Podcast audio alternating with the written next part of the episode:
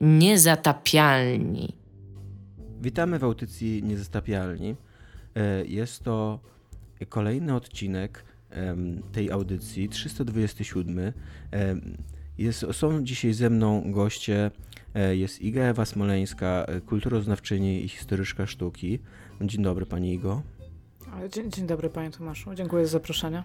Jest również e, Dominik Kąska, ekspert od marketingu gier mobilnych. Dzień dobry Panie Dominiku. Dziękuję, dziękuję Tomaszu, również dziękuję za okazję do wypowiedzenia się i witam wszystkich słuchaczy w imieniu swoim i również współprowadzących ten podcast. E, a ja nazywam się e, dr Tomasz Pstrągowski. E, wiem, dziwne imię, ale tak mnie rodzice nazwali po prostu. I przez całe życie żyłem pod ciśnieniem tych ambicji, które mi nadali w dniu narodzin. Dzisiaj będziemy rozmawiać na bardzo popularny i czasem być może kontrowersyjny temat, jakim są gry AAA. Każdy z nas dobrał sobie modną, dużą produkcję wysokobudżetową, E, bo niezatapialni, jak zapewne pamiętacie, e, są zawsze z młodzieżą. Więc będziemy dzisiaj rozmawiać przede wszystkim, i to chyba najbardziej będzie interesujący mm, segment naszego programu, e, o trzech grach, czyli Splitgate, Scarlet Nexus i Deathloop. Poza tym, być może pomiędzy te rozważania uda nam się wepchnąć jeszcze rozmowę na temat e, tego, jak działają symulatory growe i skąd się bierze ich niesamowita popularność. E, także e, być może poruszymy temat Quantic Dream, firmy, która zrobiła absolutnie ukochaną grę Dominika Gąski, czyli Fahrenheit. Beyond e... Two Souls tutaj bym chciała też powiedzieć, że Tomek jest e, wielkim, wielkim fanem, Dominik jest, zawsze był. Tak, tak. Te dwie gry są najważniejszymi grami w jego życiu, to prawda. E, a także być może uda się nam poruszyć jeszcze temat e, Netflixa, który nie tylko zapowiedział kolejny sezon Wiedźmina i nie tylko pokazał pierwsze zajawki tego nowego sezonu, jak to mówi młodzież, e, ale w ogóle ogłosił bardzo wiele produkcji związanych z Wiedźminem. Więc o tym dzisiaj będziemy rozmawiać. Chciałbym tylko przypomnieć, że nasza audycja jest możliwa dzięki naszej ciężkiej pracy, ale także waszemu wkładowi. E, dziękujemy wszystkim wspierającym, którzy nas, e, nam wpłacają na Patronite. Te pieniądze są dla nas bardzo ważne i bardzo pomocne. Gdybyście jeszcze nie wpłacali, a chcieli to wpłacić, to zapraszamy na patronite.pl łamane na niezatapialni. E, tam jest kilka progów. Tam jest kilka progów finansowych e, e, i można po prostu poprzeć nas, naszą pracę w takim poziomie, w jakim to Wam odpowiada. Jeżeli Was na to nie stać albo nie chcecie, bo na, ponieważ nas nienawidzicie i słuchacie nas tylko po to, żeby zepsuć sobie życie i zatruć swoje, swój dobrostan, to to my również to rozumiemy. Jakby nigdy nie zamierzamy chować y, za żadnym paywallem naszego kontentu. Ja bardzo rozumiem dążenie do unieszczęśliwiania samego siebie, więc wszyscy ci, którzy nas słuchają po to, żeby zepsuć sobie życie i zatruć swój dobrostan, również są tu mile widziani i to również jest audycja dla Was. E, wszystkich Was kochamy, jesteście wspaniali. E, raz jeszcze chciałbym podziękować tym, którzy nas wspierają. E, tymczasem wydaje mi się, że możemy zacząć od Defloop, bo to jest chyba największa i najbardziej. Wiadomo, bo jak Twoja to największa. No zawsze.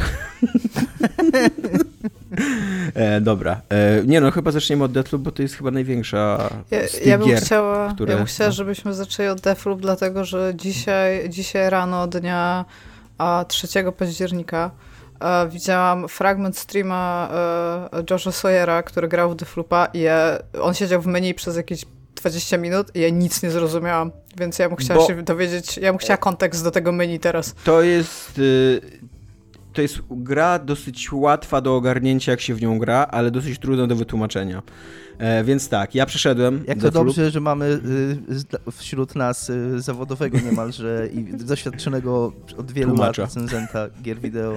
E, wiesz co, e, Arkane samo próbowało wytłumaczyć swoją własną grę za pomocą tam 3, 3 milionów filmików, które opublikowało na YouTube. I tak, ja, i Łącznie... to jest w ogóle zupełnie inna gra niż to, co pokazywał Josh Sawyer. Łącznie więc... z tym, że, że mieli jeden taki filmik, że wyszedł ich e, designer i tam na takich tablicach tłumaczył, o co chodzi. E, I, I nadal im się nie bardzo udało, ale zasad, tak jak mówię, zasadniczo to nie jest skomplikowana gra gameplayowa, jak już się w nią gra i narracyjnie. To jest e, bardziej niż, niż roguelite, to jest moim zdaniem próba jakiejś gramifikacji Dnia Świstaka e, czyli time loopa. I, i to jest dużo ważniejsze niż ten roguelite'owy element, bo to jest gra w powtarzanie dnia tak długo, aż ci się uda wyrwać z tego dnia. E, I jest oczywiście ten roguelite'owy element, bo ym, przechodzą ci y, uzbrojenia, umiejętności i tak dalej. I to, co robił Josh Sawyer, to było najprawdopodobniej wydawanie takiej wewnątrzgrowej... Ym, On karmił coś, jakąś tak. inną walutą z tego, co się tak, takiej wewnątrzgrowej waluty, jakby magii takiej, po to, żeby właśnie zachować ze sobą ym, te moce i, i broń i przedmioty do następnych, do następnych jakby lupów, co nie? E, ale tak, no, tak poza tym to jest gra, w którą się gra jak w Dishonored, tylko bez trzymanki, co nie? Jakby bez... Ale to jest taki rodzaj, de, taki rodzaj lupa jak 12 Minutes, albo jak się nie nazywało to, co... ja nie grałem w 12 Minutes, więc ci nie powiem. Ale tak, no... Ech, jak się nazywało to ludzie od FTL-a? E, wiem. Into the Takie- Bridge. Into, Into the the Bridge. Bridge. E, tak, tak, Okej. trochę tak. Masz, masz jeden dzień, on jest podzielony na cztery, cztery pory tego dnia. Ranek, e, 12, popołudnie i wieczór. E, jakby to jest cały czas ten sam dzień, więc rozkład dnia poszczególnych postaci i tego, co się dzieje na tej wyspie, bo to jest wyspa, e, jest taki sam.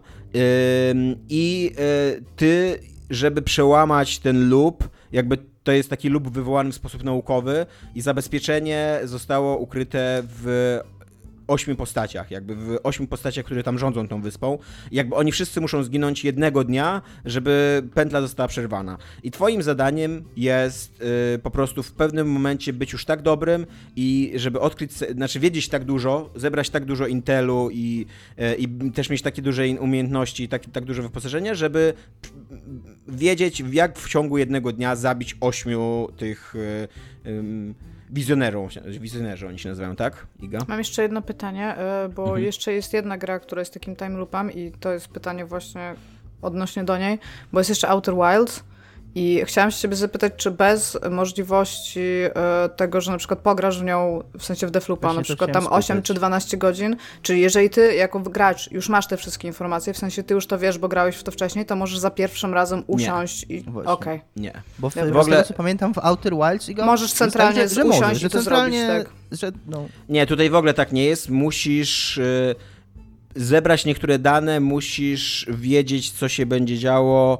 e, odkryć kody i tak dalej, i dopiero wtedy. E, jest to dość rozczarowujące. Ale czekaj, bo, bo mówisz, że odkryć kody. Jeżeli kody się nie zmieniają i ty jako Tomek Pstrągowski byś usiadł na przykład za rok z, ze swoimi notatkami. One się zmieniają, one są A, losowane do dobra, każdego, czyli- w ogóle każdy da, gracz ma okej. inne i są losowane do każdego jakby przejścia, co nie? Przynajmniej tak Mhm. czytałem w internecie, no nie próbowałem, bo nie przychodziłem gry dwa razy, e, ale tak czytałem w internecie i też musisz wykonać pewne działania, bo pewne działania się zapamiętują pomiędzy lupami. E, No, czyli to zwłaszcza zwłaszcza to brzmi, jedno. to, to brzmi dokładnie tak, jak był zrobiony właśnie, zupełnie inny gatunek, ale właśnie to 12 Minutes, Tak. że Tak. to jest tak jakby, teoretycznie ty to powtarzasz, ale w praktyce to jest po prostu jedna fabuła Tak. napisana tak, że to powtarzanie jest wpisane w, w Tak. rozwój tej Mhm. fabuły. Dokładnie tak i to jest bardzo rozczarowujące pod względem e, narrative designu, bo ja bardzo długo myślałem, że ta gra jest trochę taką zagadką, co nie takim mechanizmem, który ty sam możesz rozwiązać, ale jakby obojętne jak go rozwiążesz, bylebyś zabił to 8 postaci w jednym, w jednym lupie. Tymczasem jest tylko jedno wyjście, jest tylko jedna kombinacja, która działa i ty po prostu musisz szukać informacji i mm, autentycznie podążać za wskaźnikiem po prostu. Fakt, że masz 8 jakby questów głównych i możesz podążać za różnym z, i, z 8 wskaźników, co nie, w danym momencie, ale po prostu musisz wykonać te 8 questów głównych, żeby się dowiedzieć, jaka jest ta jedna, jedyna kombinacja. Dla mnie to było o tyle wkurzające, że ja e, okazało się, że jestem ślepy i głupy, głupi. I choć wiedziałem, choć wiedziałem jakby co muszę zrobić, żeby jednego, jednego, żeby jednego z wizjonerów jakby przesunąć z tej pory dnia, gdzie go mogłem zabić na początku, na wieczór jakby, bo chciałem, żeby on poszedł na przyjęcie, co nie? I wiedziałem totalnie, co muszę zrobić, ale wydawało mi się, że ta pora dnia, którą, którą mam wolną jeszcze, że jakby nie, nie zabijam w tym momencie nikogo innego, co nie? Że ta pora dnia e, jeszcze nie udostępnia mi tej opcji, co nie? A po prostu e, tak naprawdę udostępniała mi tą opcję, tylko ja nie zauważyłem przedmiotu, który powinienem był wziąć, co nie? I tam, i autentycznie zaciąłem się tak na 3 godziny, tylko że to było takie zacięcie, takie zacięcie, nie zacięcie się, bo e, bo ja nie czułem, że jestem zacięty, tylko e, jakby stwierdziłem, ok, być może coś przegapiam, ale w takim razie spróbuję po prostu znaleźć inną kombinację, co nie? Jakby w takim razie podejdę, no jak już mam 7, 7 trupów jakby zaplanowane, no to gdzieś tego ósmego wcisnę, co nie? W ciągu dnia. Ja, ale Zarobiony jestem, rozumiem. tak, ale mówię, po kilku godzinach, jak już y, przestałem być ślepy i głupi i zobaczyłem tą walizkę, którą ona musisz wziąć, no to odkryłem, że autentycznie nie ma innej kombinacji. To jest jedyny, jedyny sposób, jaki, przej- jaki można przejść tą grę. E, I to jest y, moim zdaniem bardzo rozczarowujące. Jakby taki A się i- poczułem trochę oszukany przez nią, co A nie? ile godzin to tak mniej więcej byś powiedział zajmuje, w sensie, żeby to wszystko rozkminić? Z 15 do 20, zależy No jak szybko i tak. To, to jest Czy fajny to czas, jest- żeby w coś pograć. Czy to jest z tego, co mówisz, trochę przygodówka? To jest pewnie na tyle przygodówka, na ile Trochę Dishonored tak. jest przygodówką. Trochę tak, takie pod względem tego, że musisz tak, Dishonored tak jest przygodówką, pod względem tego, że musisz odkryć jakieś zależności, rozwiązać jakieś takie drobne zagadki, tylko wiesz, to jest taka e, przygodówka ze wskaźnikiem, który ci pokazuje, jak przejść dany problem i e, z, za każdym razem, jak odkrywasz coś istotnego, to masz później zapisane to, co nie, na tym takim timeline'ie questa, co nie? E, więc Dobrze, po- ja, ja, ja mam bardzo ważne pytanie, jako że... zaczekaj jeszcze, bo chciałbym... Daj e, tak, Tomkowi skończyć. E, ja czekam na moją, słucham mojej odpowiedzi. tak. Się w- Jest, jest kilka gadaniem. takich zagadek y, pobocznych, w których nagroda jest dosyć istotna i, em, i w których w ogóle nie ma rozwiązania. Na przykład jednej nie rozwiązałem, chociaż byłem jej bardzo ciekaw, ale już byłem tak zmęczony tą grą, e, że, że stwierdziłem, że a walić to, Znaczy, nie już... co, co znaczy, że mówisz, że nie ma rozwiązania? W sensie, że nie masz podanego. Nie masz podanego rozwiązania, Okej. tak, musisz sam na nie wpaść. Ale jest taka też zagadka z taką e, bazą szpiegów, co nie? Gdzie tam e, podają ci bardzo enigmatycznie taki szyfr, który musisz rozwiązać, e, odnaleźć trzy lokacje tej bazy szpiegów i wtedy do, na końcu dostajesz kod do ich kryjówki, takiej już ostatecznej kryjówki, archiwum e, i tam e, dostajesz bardzo dużo intelu i do tego jeszcze jest bardzo fajny easter egg z e, Dishonored, co nie? E, więc, więc to jest totalnie takie przygotówkowe. Są jakby takie elementy logiczne, tylko one nie, nie są raczej w głównej fabule zaszyte, tylko są takimi bonusami na, po boku, nie? E, więc tak, Iga, jakie masz pytanie? A, bo jako, że e, no widzieliście, gram w Dishonored, więc mam tutaj takie pytanie, czy w tej grze trzeba się skradać, Tomek? Nie, e, jest to, jest to, jest to bardzo użyteczne, e, bardzo często i często lepiej się skradać, bo kilka egzekucji wizjonerów jest tak zaprojektowanych, że powinieneś się raczej skradać. Ja na przykład tego ostatniego Alexisa, tam jest jakby takie wielkie przyjęcie na końcu, gdzie powinieneś w ogóle zdobyć maskę i poznać cały jego rozkład dnia i tak dalej, co nie. Em, to ja tego w ogóle nie zrobiłem, bo jestem fatalny w skradaniu się i po prostu wpadłem na pałę tam, wystrzelałem wszystkich na tym przyjęciu i między innymi Alexisa przez przypadek totalnie, bo nie wiedziałem, który z nich jest który, co nie. E, więc, e, mm, więc jakby można się skradać, Czyli jest to jest- zalecane, czyli nie ale jest aż- nie musisz. Czyli nie jest aż tak, y, że musisz dokładnie, w konkretny sposób y, Nie, zabić nie. każdego. Okej. Nie. E, no i tak, i jeszcze jakby ósma z tych wizjonerek to jest e, ta Juliana, e, zabójczyni, która jakby pilnuje tego, żeby ten loop nie został przerwany. I ona, e, ona też zachowuje pamięć tak jak ty pomiędzy różnymi loopami e, i próbuje cię odciągnąć od tego, żebyś przerwał ten e, i ona nawiedza twoje różne pory dnia. Jakby jest w stanie taki, tak, dostajesz nagle komunikat, że Juliana nawiedza tą lokalizację i ona wtedy na ciebie poluje, co nie? I to może być gracz z internetu, albo to może być e, SI. Ja, jako że nienawidzę graczy z internetu, to nie, nie próbowałem tej opcji. Czytałem na ten temat dwie opinie, z Poligonu bodajże czytałem opinię, że koniecznie włączcie, bo to jest super, bo podbija w ogóle tam stawkę i na, nadaje stresu i, i, i, i to jest super gameplayowe, a z kolei Jim Sterling mówił, że no, że to jest tak, że wchodzi ci do gry gracz, którego jedynym zadaniem jest zepsuć ci grę i e, robi to dobrze, a jeżeli jest dobrym graczem, to robi to jeszcze, jeszcze lepiej, co nie? Więc e, Sterling włączył tą opcję, sprawdził, a później ją wyłączył, bo go wkurzała, co nie? No to, to brzmi jak coś, co ja w ogóle też byłbym raczej przeciwny, ale powiedz mi teraz, jak się na chwilę, na chwilę tobie wpieprzyłem, rozumiem, że jak chcesz być tym graczem, który atakuje innego, mhm. to co Iga pokazujesz palcem? No, że ja nie mogę, ale ty sobie sam w ogóle poklepałeś się po plecach. No nie no, mogę, nie mogę. Ale rozumiem, rozumiem. Znam swoje miejsce, rozumiem. Yy, czy ten drugi gracz, bo ja pytam Tomka o to, o czym mówi, a nie o coś zupełnie innego. Czy ten inny gracz, rozumiem, musi to wybrać z menu gry jako osobną, tak. jako osobny tryb gry? Tak, okay. tak. Czyli, nie, czyli jakby, jeżeli, jeżeli jesteś atakowany, to to jest jakby w kontekście normalnej tak. gry, a jeżeli chcesz atakować, to musisz normalnie wybrać To jest taka tryb. jakby osobna gra i tam normalnie tą okay. Julianę też okay. rozwijasz, zdobywasz dla niej umiejętności i tak dalej. Za każdym razem, jak ci się uda komuś zepsuć zabawę, to gra ci za to nagradza, co nie? E, więc tak. E, ogólnie jak grałem z, tym, z tą Julianą e, kontrolowaną przez SI, to była bardzo spoko zabawa, jakby bardzo... E, było trochę stresu, ona jest oczywiście przypakowana tak pod względem hapeków i uzbrojenia, więc to nie jest tak, że jest super łatwo ją zabić. E, ona bywa pomysłowa, a bardziej gra bywa pomysłowa w wykorzystywaniu jej, bo na przykład jak jest ten bal maskowy na koniec, jakby na koniec dnia, i w tym momencie ci Juliana się dołączy, a ty jesteś już na terenie tego balu maskowego, to ona jest uczestnikiem balu maskowego i nie masz pojęcia, kim ona jest też, więc poluje na ciebie postać, jakby jak dostaniesz na przykład strzała i nie wiesz skąd, nie wiesz kto strzelił, no to totalnie masz ludzi dookoła w maskach, co nie? I to, jak, jak to odkryłem, jak to mi się pierwszy raz przydarzyło, to powiedziałem, hmm, sprytne, fajne, co nie? Mega. Muszę teraz wymordować wszystkich drugi raz, co nie? Bo jeszcze muszę Julianę, co nie? Ja mam jeszcze pytanie w kwestii e, takich formalnych tego, jak to jest zdesignowane. Mówisz, że tam jest kilka pór dnia, i e, jak, w jaki sposób one się triggerują? Czy ty musisz, czy to jest czasowo, że na przykład masz in nie. real time na przykład 20 minut, czy nie. musisz dojść do pewnego momentu, który mówisz, nie. teraz chcę, żeby pora dnia się zmieniła? E, jak jesteś w danej porze dnia, jakby w danej lokalizacji, wybrałeś, że tam będę w na wybrzeżu o poranku, co nie? To na tym mhm. wybrzeżu o poranku masz nieograniczoną ilość czasu. To, to, to ten poranek jest nieskończony, jakby. Okej. Okay. E, a... Czyli z menu centralnie to wybierasz, jakby, tak? Nie, i, i jakby musisz wrócić, jakby, do, bo ty wychodzisz z takiego schronu, z takiego bunkra, mhm. jakby, i to jest twój taki safe space, co nie? Więc jak wrócisz do tego bunkra, to się zamyka ta lokalizacja i wtedy centralnie, się, i wtedy się zmienia pora na następną, co nie? Ale okay. też, jeżeli, jeżeli masz coś do załatwienia pora, o poranku, a jest popołudnie już, to możesz sobie tak ręcznie przewijać pory, żeby już nastał następny dzień i by znowu był poranek, co nie? Dobra, i teraz a, jeszcze czyli, jedno pytanie. Jeszcze pora, ja tylko, przepraszam ci, Iga, y, pora dnia, rozumiem, nie jest przypisana do miejsca, tak? Czyli możesz być nie, rano tak. w każdym miejscu? Tak.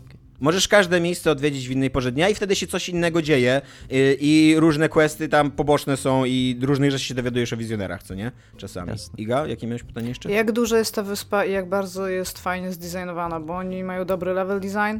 mają zajebisty level design i jest zajebiście zdesignowana. To są cztery duże e, interesujące lokacje, takie... Mhm takie naprawdę duże Dishonoredowe lokacje. Rozumiem, że wielopoziomowe z tak, ukrytymi przyjściami. Wielopo, tak, dokładnie. Z, okay. w niektórych lokacjach musisz zabić na przykład po dwóch, trzech tych, tych wizjonerów, więc to też jest przewidziane, że jakby są trzy świetnie zaprojektowane, mniejsze lokacje, w których są jakieś jeszcze przejścia i, i wiesz, i musisz rozgryźć, jak tam zabić tego człowieczka i tak dalej, co nie? E, więc po, to się staje jednak nużące w pewnym momencie, bo w pewnym momencie już znasz na pamięć. Jakby e, ta gra ma taki problem, który w ogóle często mają moim zdaniem roguelike'i, że formuła gameplayowa tej gry wyczerpuje się szybciej niż się kończy fabuła gry. E, a mhm. przez to, że ona jest tak mocno nastawiona na fabułę, że jakby, że tam od początku ci mówią, że jest zakończenie, e, tylko musisz jakby do niego dobrnąć i, i, i znaleźć je, e, no to masz, miał, ja miałem przynajmniej takie ciśnienie, żeby jednak je skończyć, co nie? I ostatnie tak 3-4 godziny nie bawiłem się już dobrze. Byłem już znudzony, właśnie jeszcze się zaciąłem z tym rozwiązaniem, później się wkurzyłem, że się okazało, że nie ma innego rozwiązania, że muszę wpaść dokładnie na to, co wymyślił, wymyślili twórcy, co jest takie strasznie nieintuicyjne, biorąc pod uwagę, że cała, w ogóle wszystkie gry Arkane są reklamowane, że tam wolność całkowita, możesz hakować, zabijać, skradać i wszystko, co robisz w normalnym życiu, co nie? E, a tu się okazuje, że nie, co nie? E, na plus jest to, że ta wyspa jest tak dobrze zaprojektowana, że ona ma aż taki losowy vibe, że jest absolutnie pełna zagadek i to jest y, bardzo długo, to jest bardzo interesujące. Co tam się wydarzyło na tej wyspie, jaka jest jej historia, bo tak jak mówię, to ten time loop to ma takie jakby uzasadnienie trochę naukowe, więc tam jakieś eksperymenty były, jakaś wcześniejsza wyprawa, nad tym wszystkim stoi takie, takie imperium, które się nazywa Motherhood, czyli taka, um, taki trochę, trochę ZSRR, tylko jakby wieloetniczne ZSRR, co nie? Że tam, y, że tam jest mnóstwo nazwisk, ten twój główny bohater, który też jakby pochodzi z tego Motherhood, jest czarny, nazywa się Colt i jakby to się w ogóle nie, nie, nie kłóci z, z całym tym settingiem, co nie? E, więc jakby jest mnóstwo rzeczy do odkrycia i one bardzo długo są bardzo interesujące, ale też te rzeczy do odkrycia się kończą szybciej niż się kończy fabuła? Więc ostatnie, mówię, kilka godzin gry to totalnie już tak biegałem, miałem w dupie, czy mnie zabiją, bo zawsze może zacząć ten dzień od nowa, a już wiem tyle rzeczy, że tu nic nie stracę. E, szukałem tylko jednej rzeczy, jednego szczegółu i jak go nie znajdowałem, to się irytowałem. E, rozkład przeciwników jest raczej taki sam o każdej porze dnia, co nie? O ile nie wprowadzisz jakiejś radykalnej zmiany pomiędzy lupami, a to się tam zdarza tylko dwa czy trzy razy w grze. Dwa czy trzy razy są takie zmiany, że, że one wpływają też na cały loop, co nie? Że, że, że następny loop będzie już inny i wszystkie następne będą inne, co nie? Ja też widziałam, że tam jest taki trochę back and forth przez radio z takim sidekickiem, z tego co rozumiem, twojego ziomeczka i widziałam też, że ma bardzo fajnie napisane krótkie dialogi, to które nie... też mają bardzo dobry voice acting. To nie jest twój sidekick, tylko ty jesteś tym Coltem e, i to dzwoni do ciebie ta Juliana, która chce cię zabić. A, okej. Okay. I, nice. E, i wy się, wy się znacie z przeszłości. Ty oczywiście nie wiesz skąd, ona wie wszystko, ale nie mówi, bo video game musi... writing, no. E, więc, ale tak, ale te dialogi są napisane fajnie, w ogóle, e, w ogóle te postaci, te, też tych siedmiu e, szalonych wizjonerów też jest fajnie napisanych, e, mnóstwo um, lore w tej grze jest dobrze napisanego i, i ciekawego autentycznie, więc pod tym względem, ja, ja, mam, ja mam, jestem trochę rozdarty wobec tej gry, bo przez jakieś 12-15 godzin autentycznie się mega dobrze bawiłem, nie? Mhm. E, I nawet myślałem o tym, żeby opłacić tego PlayStation Network i spróbować, jak to jest grać z innym graczem, co nie? Bo byłem tak po prostu ciekaw, pomimo tego, że też mhm. słyszałem tą opinię, że to nie jest fajne, ale, e, ale akurat jak byłem ciekaw, to akurat ta gra wyczerpała swoją formułę i mówię, i 3 do 5 godzin, tak ciężko powiedzieć ile, co nie, ale tak z 2-3 z dwa, dni normalnego grania, takiego z pełnym etatem, czyli z 2 godziny dziennie e, wyciskam tam, e, to, już byłem, to, to, już byłem autentycznie zmęczony, co nie. Miała, super momenty ta gra wtedy też, ale to już były tylko momenty, a reszta to było takie bieganie po tych samych lokacjach, robienie tych samych rzeczy, e, bo tam zawsze na początku, jakby pierwszego wizjonera zawsze musisz zabić tak samo, bo on ma tylko, tylko jeden slot o poranku i, i jakby jeżeli chcesz cokolwiek sensownego zrobić, albo wydaje ci się, że już rozgryzłeś ten, um, e, to jak zabić ośmiu, to zawsze musisz zacząć tak samo, nie? Mhm. A, a, później na końcu się okazuje, że nie mogłeś rozgryźć, jak e, zabić tych ośmiu, bo to nie zależy od ciebie, to musisz po prostu wszystkie questy do końca poprowadzić. E, więc tak, więc to jest Czyli Deathloop. ty polecasz, czy nie polecasz? Czy polecasz pierwszą połowę, czy... Znaczy, ja, jak jest twój stans połowę, no. tutaj? Powiedziałeś, powiedziałeś Tomek, że 2-3 dni po 2-3 godziny to jest 6-9 godzin. Tak. Tak. Ale, e, ale, ale wcześniej mówiłeś, że jest 15 tak. godzin dobrej zabawy, 2 godziny kiepskiej, no to... 15, ja bym powiedział tak 15 na 5. 15 godzin dobrej zabawy, 5 okay. godzin 15 na 5 okay. dajesz tej grze, tak? Dobrze e... E, jest taki koleś w internecie, który mówi, e, ACG on się nazywa. A, w ogóle sztuczna inteligencja jest fatalna jak we wszystkich grach Arkane, co nie? To, ma, to jest dobre i złe, bo e, jest złe, bo ci bohaterowie są tak głupi, że to jest goła mała. Ale dobre to jest, bo ci nie psuje zabawy, bo jakby wiesz czego się spodziewać, zawsze czujesz się mądrzejszy niż gra, co nie? Jakby masz takie, że ho, ho, ho, ale go podszedłem. Nie, nie podszedłeś go, on jest po prostu debilem, co nie? E, ACG ma takie, on ocenia takie, mm, takie gry w stylu e, kup, poczekaj na przecenę albo nigdy nie dotykaj, co nie? Mhm. To dla mnie Deathloop, gdyby nie to, że dostałem promkę od Bethesdy, za co dziękujemy, ale dla mnie to by była raczej taka gra poczekaj na przecenę. Może nie 80% przeceny, ale tak z 60% jakby... Nie day one w każdym razie. Nie, nie, nie jest to gra day one, teraz. tak. Okay. No. No.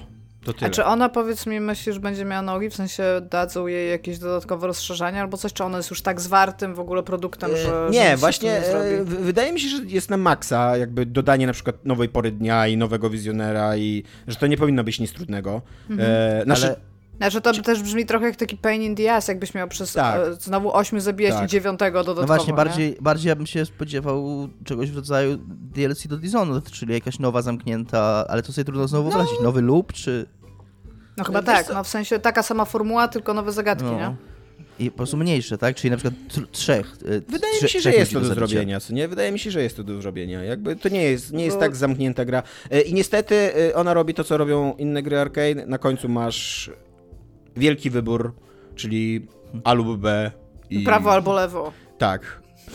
Choice the consequences. I jakby to w, to, w ogóle, to w ogóle nie wypływa z tego, jak grasz i, i co robisz, i tylko po prostu obojętnie jaką jesteś postacią, na końcu masz te dwa wybory i, i Bo, dwa zakończenia. o, Odnośnie do tego, co właśnie przed chwilą rozkminieliśmy. I zgadnijcie, jakie to są dwa zakończenia.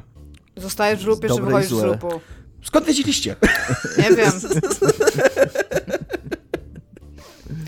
E, bo to, to, o czym właśnie przed chwilą mówił Dominik, że e, to powinno wyglądać bardziej jak takie DLC do Dishonored niż właśnie dodanie czegoś do samego lupu gry, Mhm. bo teraz Outer Wilds tak zrobiło, że oni dodali jakieś rzeczy, ale to jest jakby wczepione bezpośrednio do dużej gry. Jakby ja kocham Outer Wilds i mówiłam o tym, jakby wszyscy o tym wiedzą, mam nadzieję. Podobno ten Bardzo dodatek kocham jest w ogóle równie rewelacyjny jak oryginał. No i właśnie tylko, że ja mam taki fęk, że ja za bardzo pamiętam Outer Wilds i bardzo przeżyłam Outer Wilds i teraz jeżeli ja mam w to grać jeszcze raz, to zagrałam bardzo chętnie od początku, ale z drugiej strony nie chcę robić tych shortcutów, bo ja wiem, co tam muszę zrobić już, nie? W sensie zupełnie sobie zdaję z tego sprawę.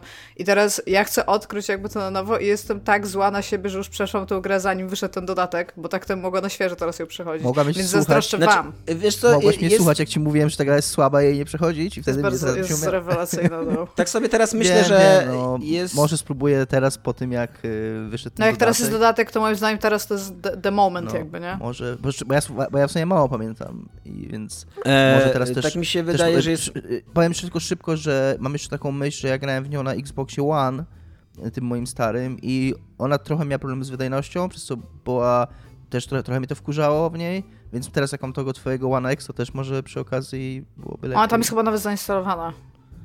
Więc nawet nie musisz jej ściągać oprócz dodatku. Nie, chyba nie jest, chyba nie jest niestety. A może nie jest. Ale dobrze, Tomku, czyli ty ogólnie poczekasz na Tak, przecenę, wiesz- wiesz jesteś, zaczekaj, byłeś ja zachwycony przez długi czas.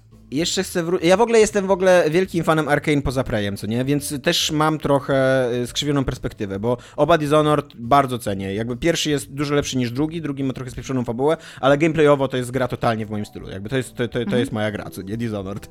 E, I pod względem tam estetyki, dialogów i świata przedstawionego i tak dalej, to nie to, to uwielbiam Dishonored. I też Deathloop też we mnie trafia, jakby tą swoją estetyką takich szalonych lat 60., narkotyków, chlania, hedonizmu, e, hipisostwa, a jednocześnie jakiejś takiej Jakbyś wielkiej... chciał, Tomku, to lata 60. mogą być nawet teraz. Eee, no może tak, może tak.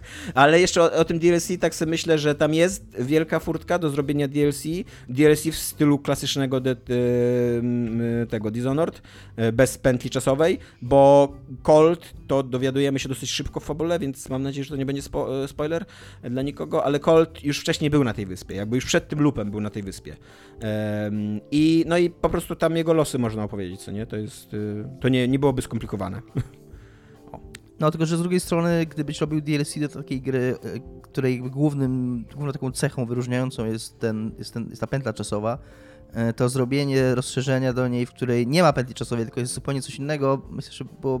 Właśnie to jest trochę pułapka taka, że, że oni trochę... Może tak. Tak jak mówisz, fajne by to było i, i takie zaskakujące, gdyby zrobili DLC, w którym jest coś zupełnie innego, w którym w ogóle nie ma tej mechaniki, tego mechanizmu pętli, ale, yy, ale z drugiej strony, wiesz, gracze mogliby, okej, no to w takim razie czemu to się nazywa Deathloop, skoro jest... Where's the loop, dude?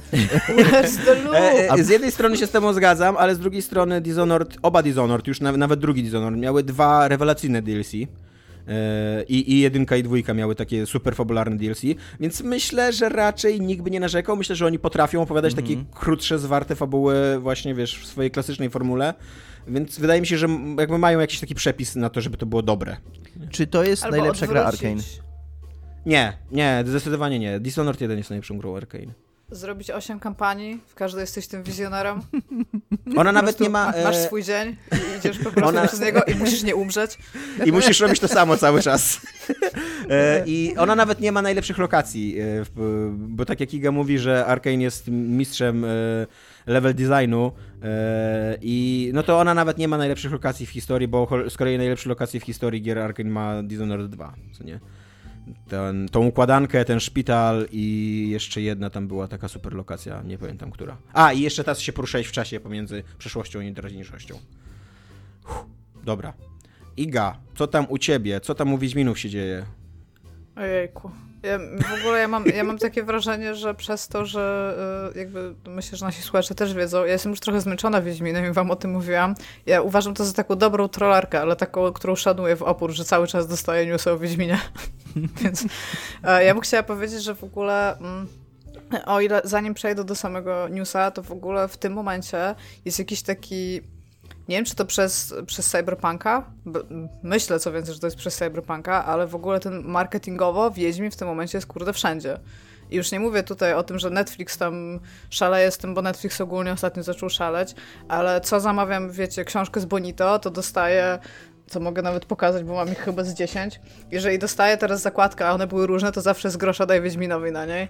E, Oshi zrobiło te nowe eliksiry energetyczne, tak swoją drogą.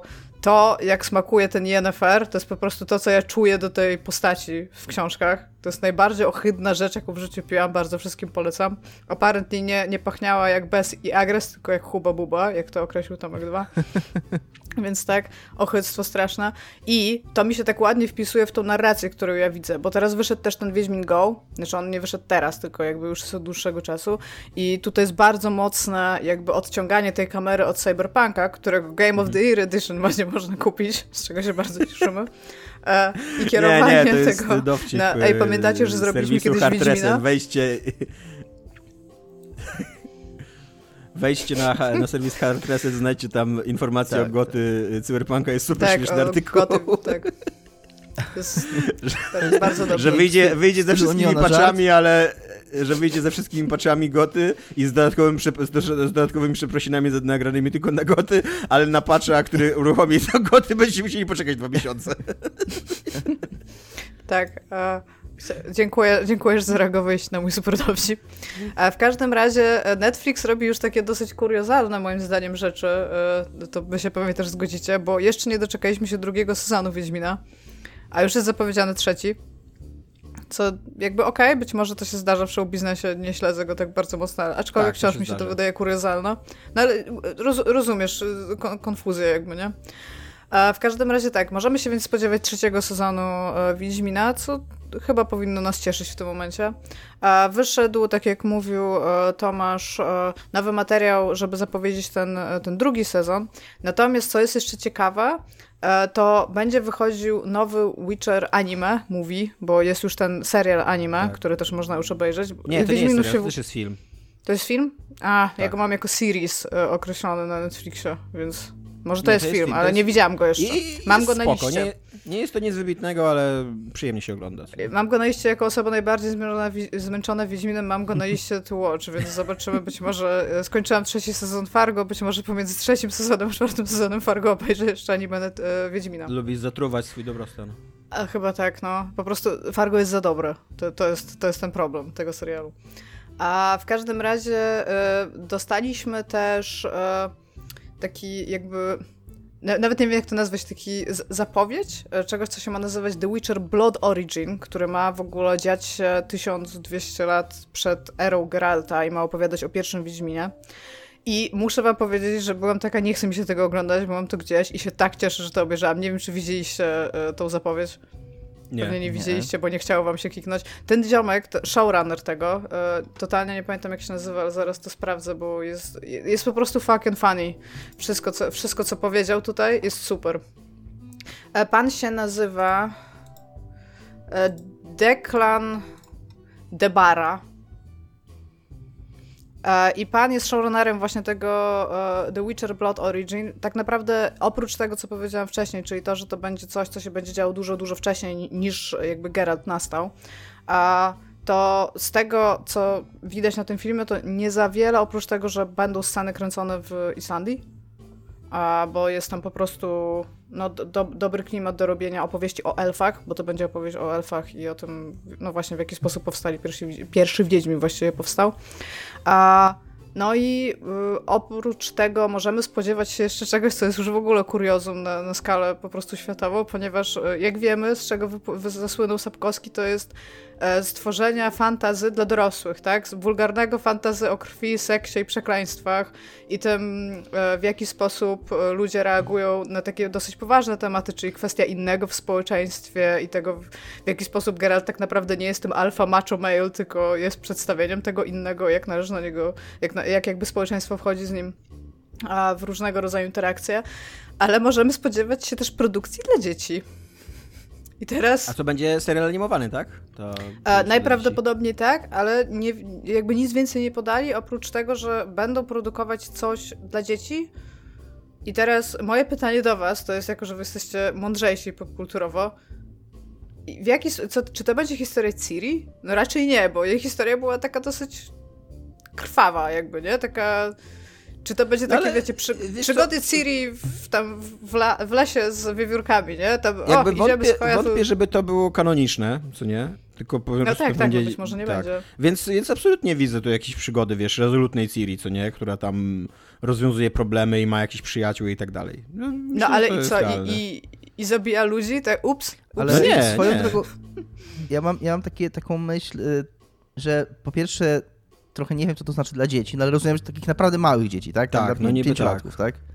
Nie, mi się e, wydaje, że dla dzieci oznacza to 12 roku życia, no, że nie dla nastolatków. Ale do no to, 12. Ja, tak no to chciałem powiedzieć, lat, no bez będzie... przemocy, bez, Tak, tak, tak, no.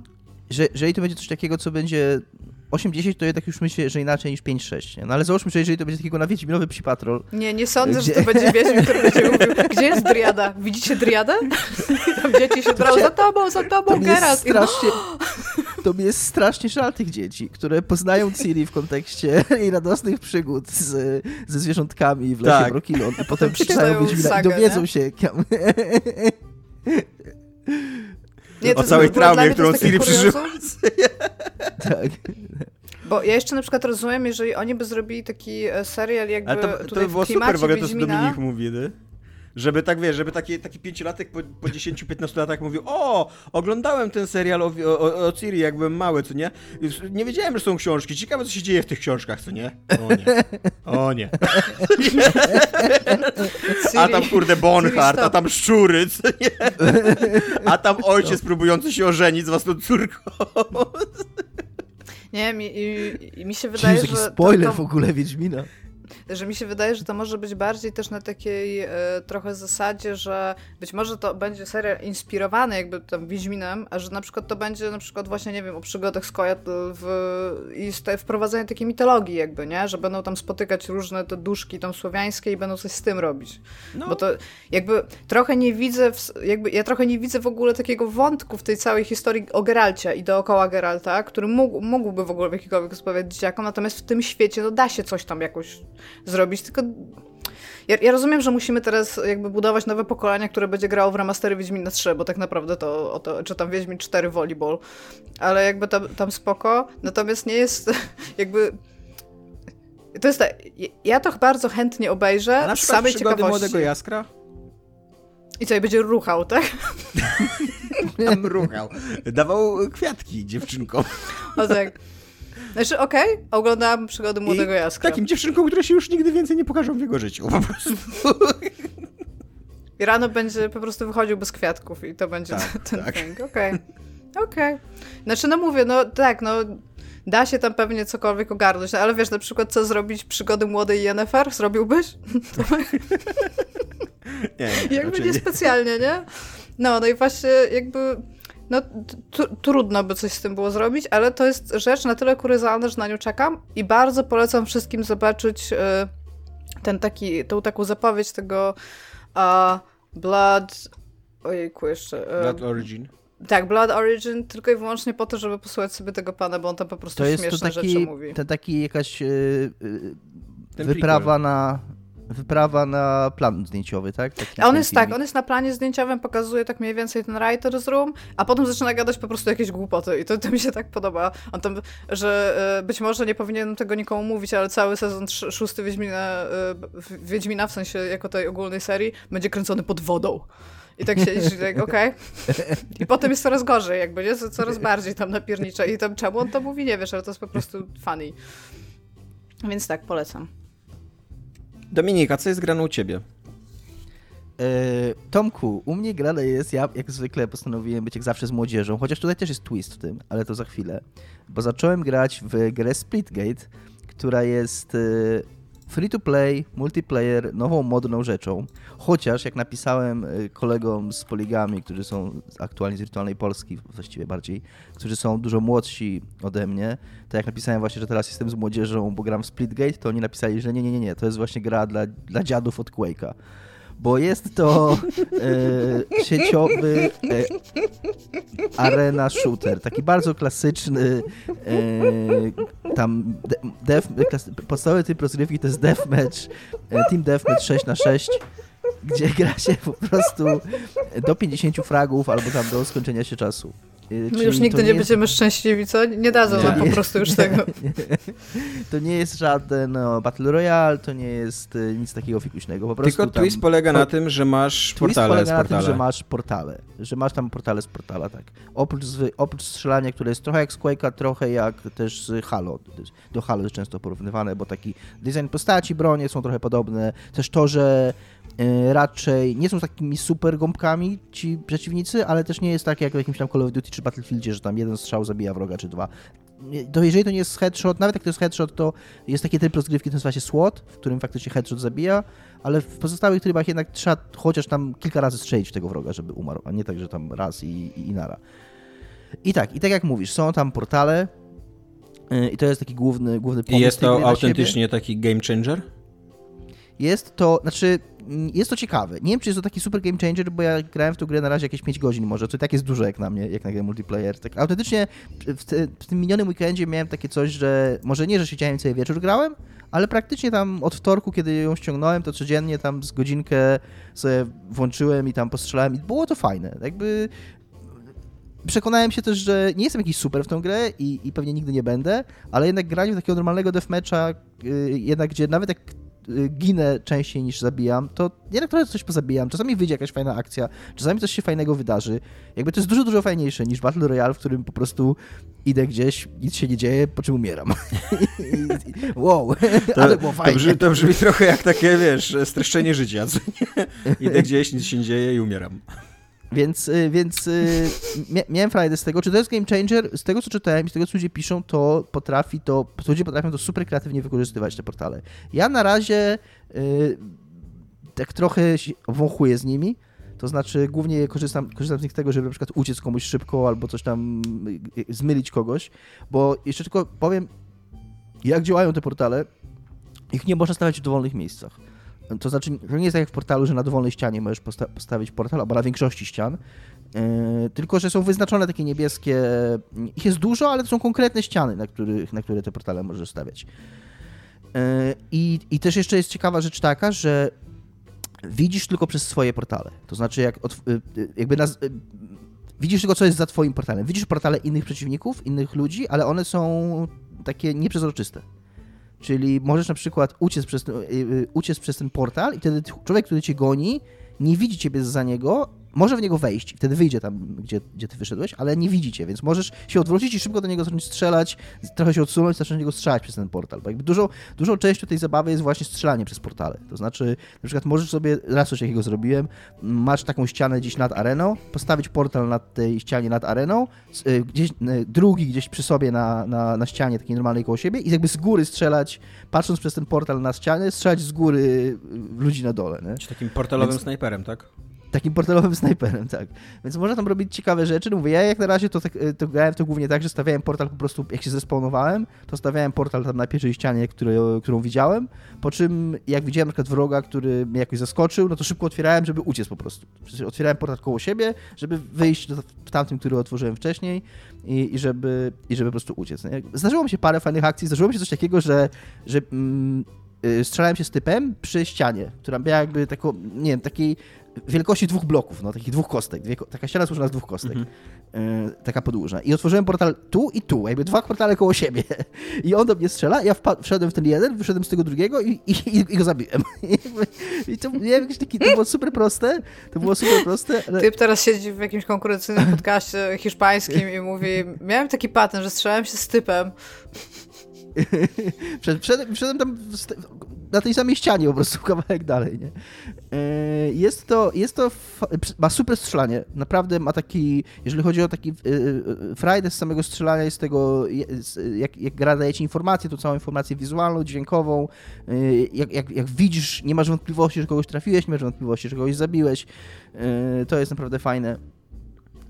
A jak jest ze znajdywaniem serwerów? Teraz są cały czas pełne, rozumiem są cały czas pełne, y, y, jest kolejka, jak uruchamiasz grę, w sensie musisz pasać w kolejce, odpalałem ją, mówię, już tam z 6, 5, 6 razy ją odpalałem dotychczas i za każdym razem to trwa tam z 10 sekund, to stanie w kolejce hmm. i, no, jak klikasz graj, to mi znajduje mecz od razu.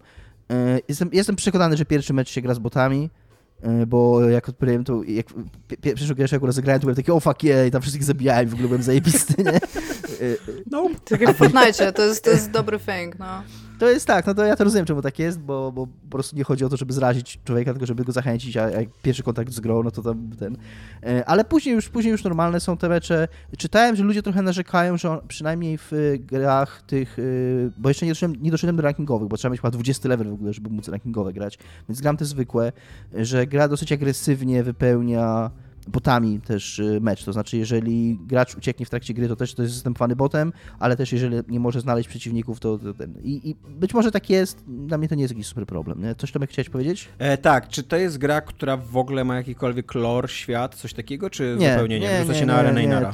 Wrzuca się na arenę i nara.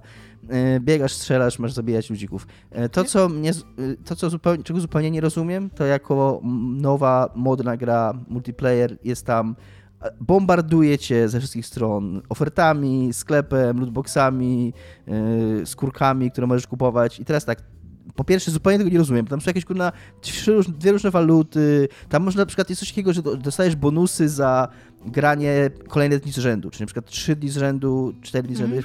Jak jeden dzień opuścisz, to tam za walutę możesz kupić zastąpienie jednego dnia Czyli, że tam jeżeli grałem trzy dni, ale tak, czwarty tak, dzień tak. nie grałem, włączyłem piąty i teraz nie chcę, sobie, nie chcę sobie tej serii psuć, to mogę kupić, żeby jakieś w ogóle... To... E, wiesz co, wydaje mi się, oni, że to jest takie agresywne, tak jak ty mówisz, no bo oni mają teraz swój moment, co nie? E, to prawda. I chcą wycisnąć z tego najwięcej jak mogą. To jest teraz Jasne. super popularna gierka. I... Jasne. A przy okazji, to zaraz o tym powiem jeszcze, e, a, ale ważne jest, bo to jest bardzo ciekawe. Iga, co chcesz powiedzieć? Znaczy, bo chciałam powiedzieć odnośnie do tego, co właśnie przed chwilą Tomek powiedział i z czym się zgodziłeś. Ja się patrzę, co prawda, tutaj tylko na użytkowników Steama, czyli no PC. On, nie wiem, czy jest na Epiku. To byście musieli mi powiedzieć. A ona ma taki pik y, ludzi, miała w sierpniu.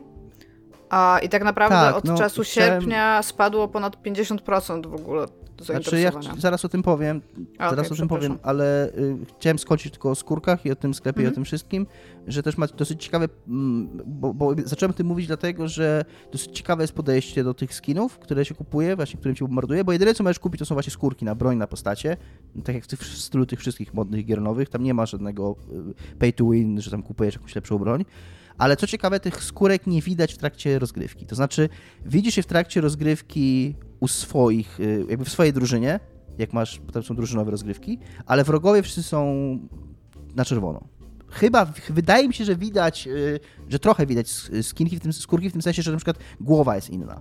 Y, jak ma skin inną mm. głowę, to widać, że jest inna głowa. Ale generalnie wszyscy wrogowie są zawsze na czerwono, a jednak największą częścią skina to są kolorki. No, jeżeli masz, jeżeli cała twoja przeciwna drużyna to są po prostu czerwone ludziki, to, to, to nie, nie, nie, nie czuję, że to jakieś różnorodne jest. I wydaje mi się, że to jest fajna decyzja, bo, bo jakby nie ma czegoś takiego, że ta skórka daje jakąś przewagę.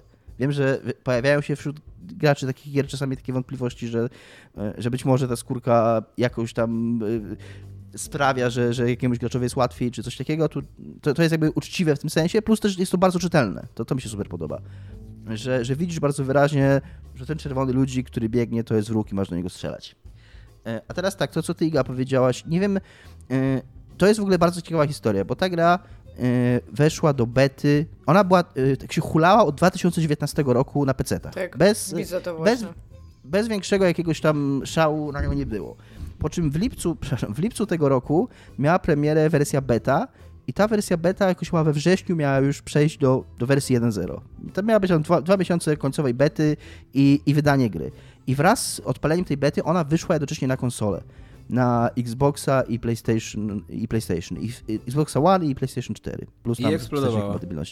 I eksplodowała. I w ciągu oni, e, od odpalenia tej bety, oni chyba w ciągu bardzo szybko doszli do 2 milionów musieli się przeskalować tam z, y, mówię, że tam 30 osób w ogóle zrobiło tę grę, z czego czwórka, mówię, że czwórka inżynierów w ciągu paru dni musiała przeskalować tę grę z 400 graczy na raz do 75 tysięcy na raz. E, e, więc, więc to jakieś tam totalne szaleństwo było. Teraz już ma około 13 milionów y, graczy, tak, z, z tych dwóch, które się zaczęło w lipcu. Oni w międzyczasie, w tym wrześniu, kiedy ona miała wyjść z tej bety, powiedzieli, że przesuwają tam na nieokreśloną przyszłość yy, wydanie pełnej wersji. Być może jest tak, jak Iga mówisz, że, że ona miała jakiś taki skok duży i spadła i, i tam jakoś... Ale to mówię tylko o Steamie, nie? W sensie Ale właśnie, ale, ale to właśnie wydaje mi, się, wydaje mi się, że to głównie, że, że ten skok był głównie dzięki konsolom, że, że właśnie to na, na konsolach one, to konsole, właśnie ta premiera tej, tej crossplayowej wersji konsolowej sprawiła, że tym, tak, zaczęło się o milionach mówić. I tylko szybko skończę wątek, yy, bo, bo to też jest bardzo ciekawe.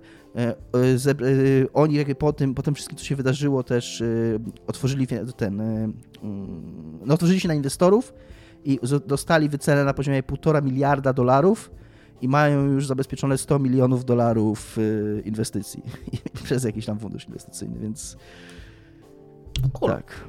Cool, cool, cool, cool, cool, cool, cool. Dla dziadów od Quake'a, tak? To jest gra dla dziadów od Quake'a. Tak.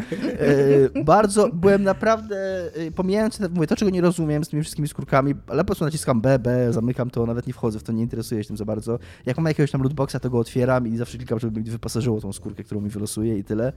E, ale, ale na takie po prostu pobieganie, postrzelanie sobie, jest to fajne, dynamiczne, nie irytujące, bo tam to jest deathmatch po prostu.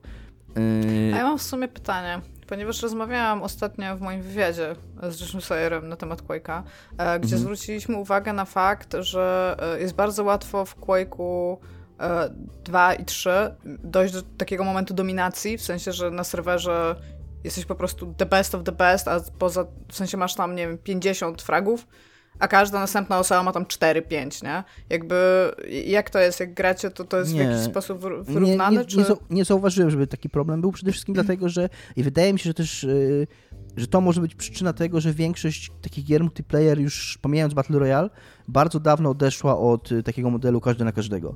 Właśnie z tego mhm. powodu, o którym mówisz. Więc to jest Team Deathmatch 6 y, na 6 i, i tam jest, są jakieś inne, y, y, inne warianty tego. Jest oprócz Team Deathmatchu jest taki jest ten tryb SWAT, który też jest Team Deathmatchem, ale takim, że masz tylko strzelbę i snajperkę i, i headshot zabija jednym strzałem. I, to jest totalnie Team SWAT. Tak, tak, Team SWAT. I jeszcze grałem w bardzo taki spoko tryb, który, który brzmi prosto, ale zaskakująco dobrze sprawdza się mm, właśnie w, tego, w tej grze dokładnie. Czyli taki, taka piłka, taki tryb, tryb, to jest takie trochę capture the flag, to nie będzie, to inaczej. W każdym razie no jest piłka, jedna piłka na arenie. Gracz, który y, ma tą piłkę w posiadaniu, nie może strzelać, może tylko bić tą piłką i drużyna, jego drużyna w tym czasie, jak on tą ma piłkę, zdobywa punkty. Więc jakby cała gra polega na tym, żeby przejąć tą piłkę i jak najdłużej się przy tej piłce utrzymać, zanim nie dać się innym zabić. To brzmi Co... fan, to brzmi jak taki uh, Delightful jest... Chaos bym powiedziała. To jest bardzo, to jest bardzo fan, bo właśnie wtedy jak masz tą piłkę, to jakby starasz się jak najwięcej, jak najbardziej tymi portalami mieszać, kombinować i uciekać i to jest, y, udało mi się nawet jeden mecz wygrać, tak że ja skończyłem, jak się czas skończył, że ja miałem tą piłkę i miałem faktycznie takie bardzo fajne uczucie to jest właśnie, że... A czy dajesz ci zrobić touchdown w momencie, jak się kończy to i ty jesteś nie, z piłką? Nie, nie, nie, Man, to by było no, so fucking amazing. Super, tak. I teraz skórkę Ale... do touchdowna, Mają nie po prostu, że... nie zrobią, kurde, głupią animację touchdowna. Nie, no, no. O, ta, to, to, ta gra, ona jest, mówię, tam o niej jeszcze na pewno będziemy słyszeć, I, i, i no, mówię, A powiedz mi, na poziomie powiedz mi, czy miliardy. Y, jak ona wejdzie już w wersji 1.0, to przejdzie na jakiś płatny model, czy dalej będzie bezpłatna? Nie, no na pewno. Znaczy, na, jestem przekonany, że nie. Jestem przekonany, że to będzie po prostu, że oni próbują zrobić kolejne Apex Legends, Fortnite i tak dalej, czyli będą pewnie kombinować jakoś z jakimiś y, Battle Passami, bo już jest Battle Pass pierwszy, z jakimiś tam rzeczami, które będzie można kupić, y, może jakoś, jakieś lobby dodadzą, może dodadzą, bo tam jest coś takiego, że jak czekasz, bo czasami takie, że czekasz tam, nie wiem, 30 sekund na, na znalezienie meczu, to wrzuca cię na taką arenę, w której, na której nie toczy się żadna gra, ale po prostu widzisz też innych graczy i tam się z nimi możesz strzelać, możesz sobie biegać, tak, takie to jest swobodne. Mhm. Więc mogą to jakoś rozbudowywać właśnie, żeby zachęcać ludzi do, do kupowania tych skórek, jakoś tak robić, żeby, żeby można się było bardziej tymi skórkami chwalić, ale nie wyobrażam sobie, żeby oni tą grę zaczęli sprzedawać, bo, bo, yy, bo to, to, jest taki startupowy model, to co oni teraz robią, czyli jakby skalowanie jak najbardziej, złapanie tam, niech to będzie kurna 50 milionów graczy, już teraz jak jest 13, to to 50 mogą dobrać. Jak się ma 50 milionów graczy, to kurna no, cokolwiek można tam zrobić. 50 milionów. No. Co, co? No 50 milionów graczy to 50 milionów graczy. Nie, nie, no chodzi mi o to, że jak się ma 50 milionów graczy, to lepiej mieć 50 milionów graczy w, w darmowej grze, czy nawet 100 milionów i ty łapiesz inwestorów, kombinujesz i jakby to, to jest to, co wszystko, wszystkie te nowe filmy tak robią, znaczy nowe, te technologiczne, Netflixy i tak dalej, nie? Że po prostu zbierasz, zbierasz tych ludzi, jak już masz ich, masz już pewien limit osiągnięty, to już to... To rzucasz... cztery znaki zapytania, profit. To jest tak. dokładnie, dokładnie, dokładnie. No ja nie jestem biznesmenem, Yy, więc tego Jesteś ci nie powiem. Yy, specem od marketingu jednakowoż. Jesteś yy, też naszym ekspertem tak mówisz, od tak ekonomii mówisz. więc i matematyki, więc... No właśnie. Więc, czy, więc czy nie jesteś biznesmenem? Więc okej, okay, to przepraszam, jednak jestem 50 milionów to jest dużo milionów. wydaje mi się, że wydaje mi się, że że też złapanie takiej dużej liczby użytkowników zwiększa szanse na e, e, złowienie kilku wielorybów, e, na co takie firmy zawsze liczą. Nie, czyli, w ogóle nie propagujemy i nie zalecamy łowić wieloryby. Nie Natomiast tego. Tak. tak. Nie do końca jestem fanem tego, takiego modelu właśnie, żeby łapać ludzi, którzy, którzy wydadzą bardzo dużo pieniędzy w tej grze, natomiast no, trzeba też uczciwie powiedzieć, że nie jest to jakieś takie, jakiś taki jakaś taka praktyka, y, nie wiem, w rodzaju Electronic Arts czy FIFA, że tam faktycznie zmuszasz Surprise te dzieciaki. mechanics? Tak, tylko ta sama gra podstawowa y, po pierwsze w ogóle nie wpływają na nią te skórki, po drugie są prawie niewidoczne. Nie jestem do końca pewien, na ile one są widoczne, yy, więc, więc, ale... Dominik myślę... ich nie zauważał u przeciwników, tak, kiedy nie grał, więc praktycznie jeżeli wy jesteście czasami... przeciwnikami y, Dominika, to głupio, że wydajecie pieniądze na te skórki, czasami, Dominik nie widział. Czasami miałem wrażenie, że głowa ludzika, do którego strzelałem jest inna niż głowa ludzika, do którego strzelałem. się rozbryzgiwała w krwi, co nie? Więc miałem takie, więc miałem takie że okej, okay, może faktycznie te skórki są inne, tylko po prostu przez to, że są wszyscy na czerwono, to i tak nie za bardzo widać różnicy. Bo to nie jest taka gra, że stajesz i tam rozmawiasz z tym wrogiem i, i, i podziwiasz jego, jego zbroję. Tylko szczególnie, że portale, szybkie strzelanie, bieganie, więc, więc no ten. Naprawdę byłem zadziwiony tym, tak z ciekawości, żeby zobaczyć właśnie, co teraz młodzi ludzie, a okazuje się wcale nie młodzi grają, ściągnąłem i, i, i fajna, fajna taka miła giereczka. Nie grają młodzi w to, jak się okazuje. Nie wiem, nie wiem. Ale za to... 50 milionów graczy, to pewnie jakaś część z nich są, to są młodzi gracze. Za to mu... około 13 milionów. Za to młodzi grają w symulatory, które są teraz, y, znaczy nawet nie teraz, ale od pewnego czasu dłuższego raczej, kilka lat przynajmniej, e, są taką rewelacją rynkową i wydają się dosyć bezpieczną inwestycją. My rozmawialiśmy trochę o symulatorach ostatnio e, i akurat jakby po przesłuchaniu niezatapialnych e, serwis Video Game 24 na 7 mm, zainteresował się również tym tematem i e, pracując tam dziennikarz Jeremy Peel napisał dosyć spoko artykuł, w którym pogadał z trzema twórcami e, symulatorów, e, z gościem od symulatora Power Washa, czyli takiej wody pod wysokim ciśnieniem, która buduje, y, czyści zwłaszcza budynki z, Bardzo z różnych osadów. Bardzo tak. rzecz, tak. jaką mam w internecie. Bardzo. Tak. E, więc, więc z takim kolesiem pogadał. Pogadał z kolesiem od PC, PC Building Sim, czyli od skręcania własnego PC. E, I pogadał z kolesiem oczywiście od Microsoft Flight Simulator.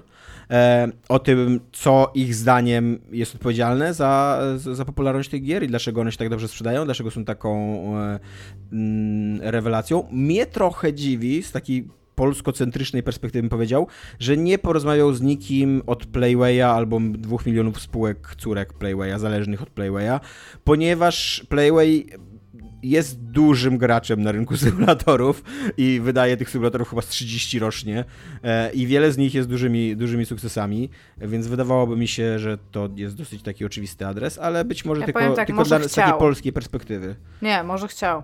Może tak, Powiem może tak. też chciał, a może e, tak, a może Playway nie chciał rozmawiać z nimi. E, jest tu kilka takich ciekawych spostrzeżeń, na które bym chciał wam zwrócić uwagę, że na przykład są różne podejścia do, mm, do tych symulatorów, że koleś od tego PC Building Simulator e, miał, ma, takie podejście, że jego zdaniem ważne jest bardzo, żeby gracze się rozwijali w tej grze, żeby, żeby jakby czuli, że osiągają e, w jakiś sposób e, mistrzostwo swoich umiejętności, co nie, czyli skręcenia peceta. E, I tam jest taka e, mechanika biznesowa też w, w, za, za, z, ukryta, w tej, zaszyta w tej grze. E, i dzięki temu jakby tam zara, zaczyna zarabiać pieniądze, nie wiem na czym to dokładnie gra, bo nie, nie jest moją fantazją skręcanie pecetów, na, czym dokładnie polega, ale jakby on, on tutaj e, właśnie podawał, że to jest taki, trochę przykład takiej power fantasy, nie? że właśnie, że jesteś coraz lepszy w tym, co robisz.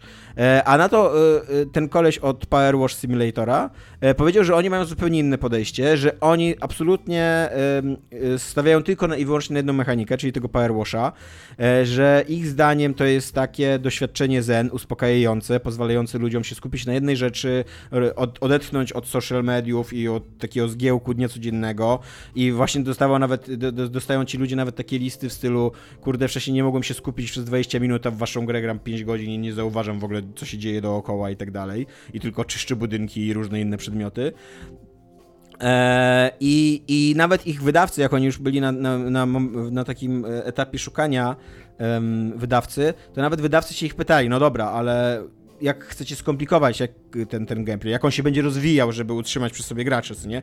A oni odpowiadali, że nie, że nie, nie, nie chcemy go kom, y, ten, y, komplikować, nie chcemy go e, w żaden sposób utrudniać i nie chcemy też jakichś takich mechanik levelowania czy zarabiania pieniędzy i tak dalej, ponieważ nam chodzi tylko na tym takim czystym zen, co nie? Na takim czystym uczuciu em, oczyszczania czegoś i, i zatracania się w jakiejś czynności, co nie? E, więc, więc to jest dosyć ciekawe, że, że są takie dwa podejścia, przynajmniej ja o tym nie wiedziałem. E, I e, też ciekawe jest to, że. e, Znaczy, to, to już trochę mówiliśmy o tym w zeszłym, w zeszłym odcinku, i tutaj to, tutaj to powtarzają, że e, te symulatory dają ci możliwość bycia dobrym w czymś, albo w ogóle obcowania z jakimś, z jakimś e, czymś, co, co wydaje ci się interesujące.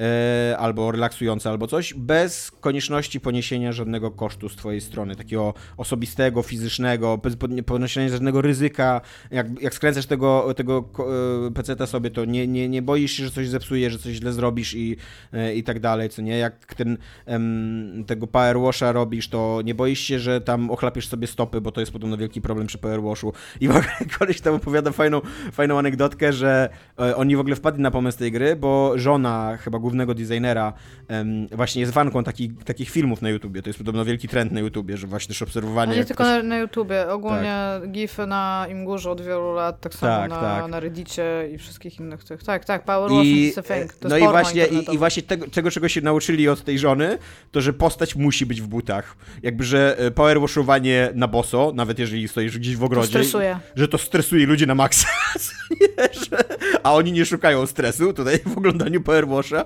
tylko chcą być spokojni i nie komentować, nie, nie, nie pytać się, "Ej, dlaczego jesteś boso, przecież to bez sensu, co nie, wiesz, e, i, i, i tak. Ja bym chciała powiedzieć, że oprócz tego aspektu, Mhm. tam w cudzysłowie zen, który oni podają, oni tam jeszcze, mi się wydaje, że oni o tym napisali, ale tu jest jeszcze jedna kwestia, która do tego wchodzi, bo to było Mhm. i wcześniej w tym Viscera Cleanup Detail na przykład, który ja kiedyś streamowałam z wielką lubością.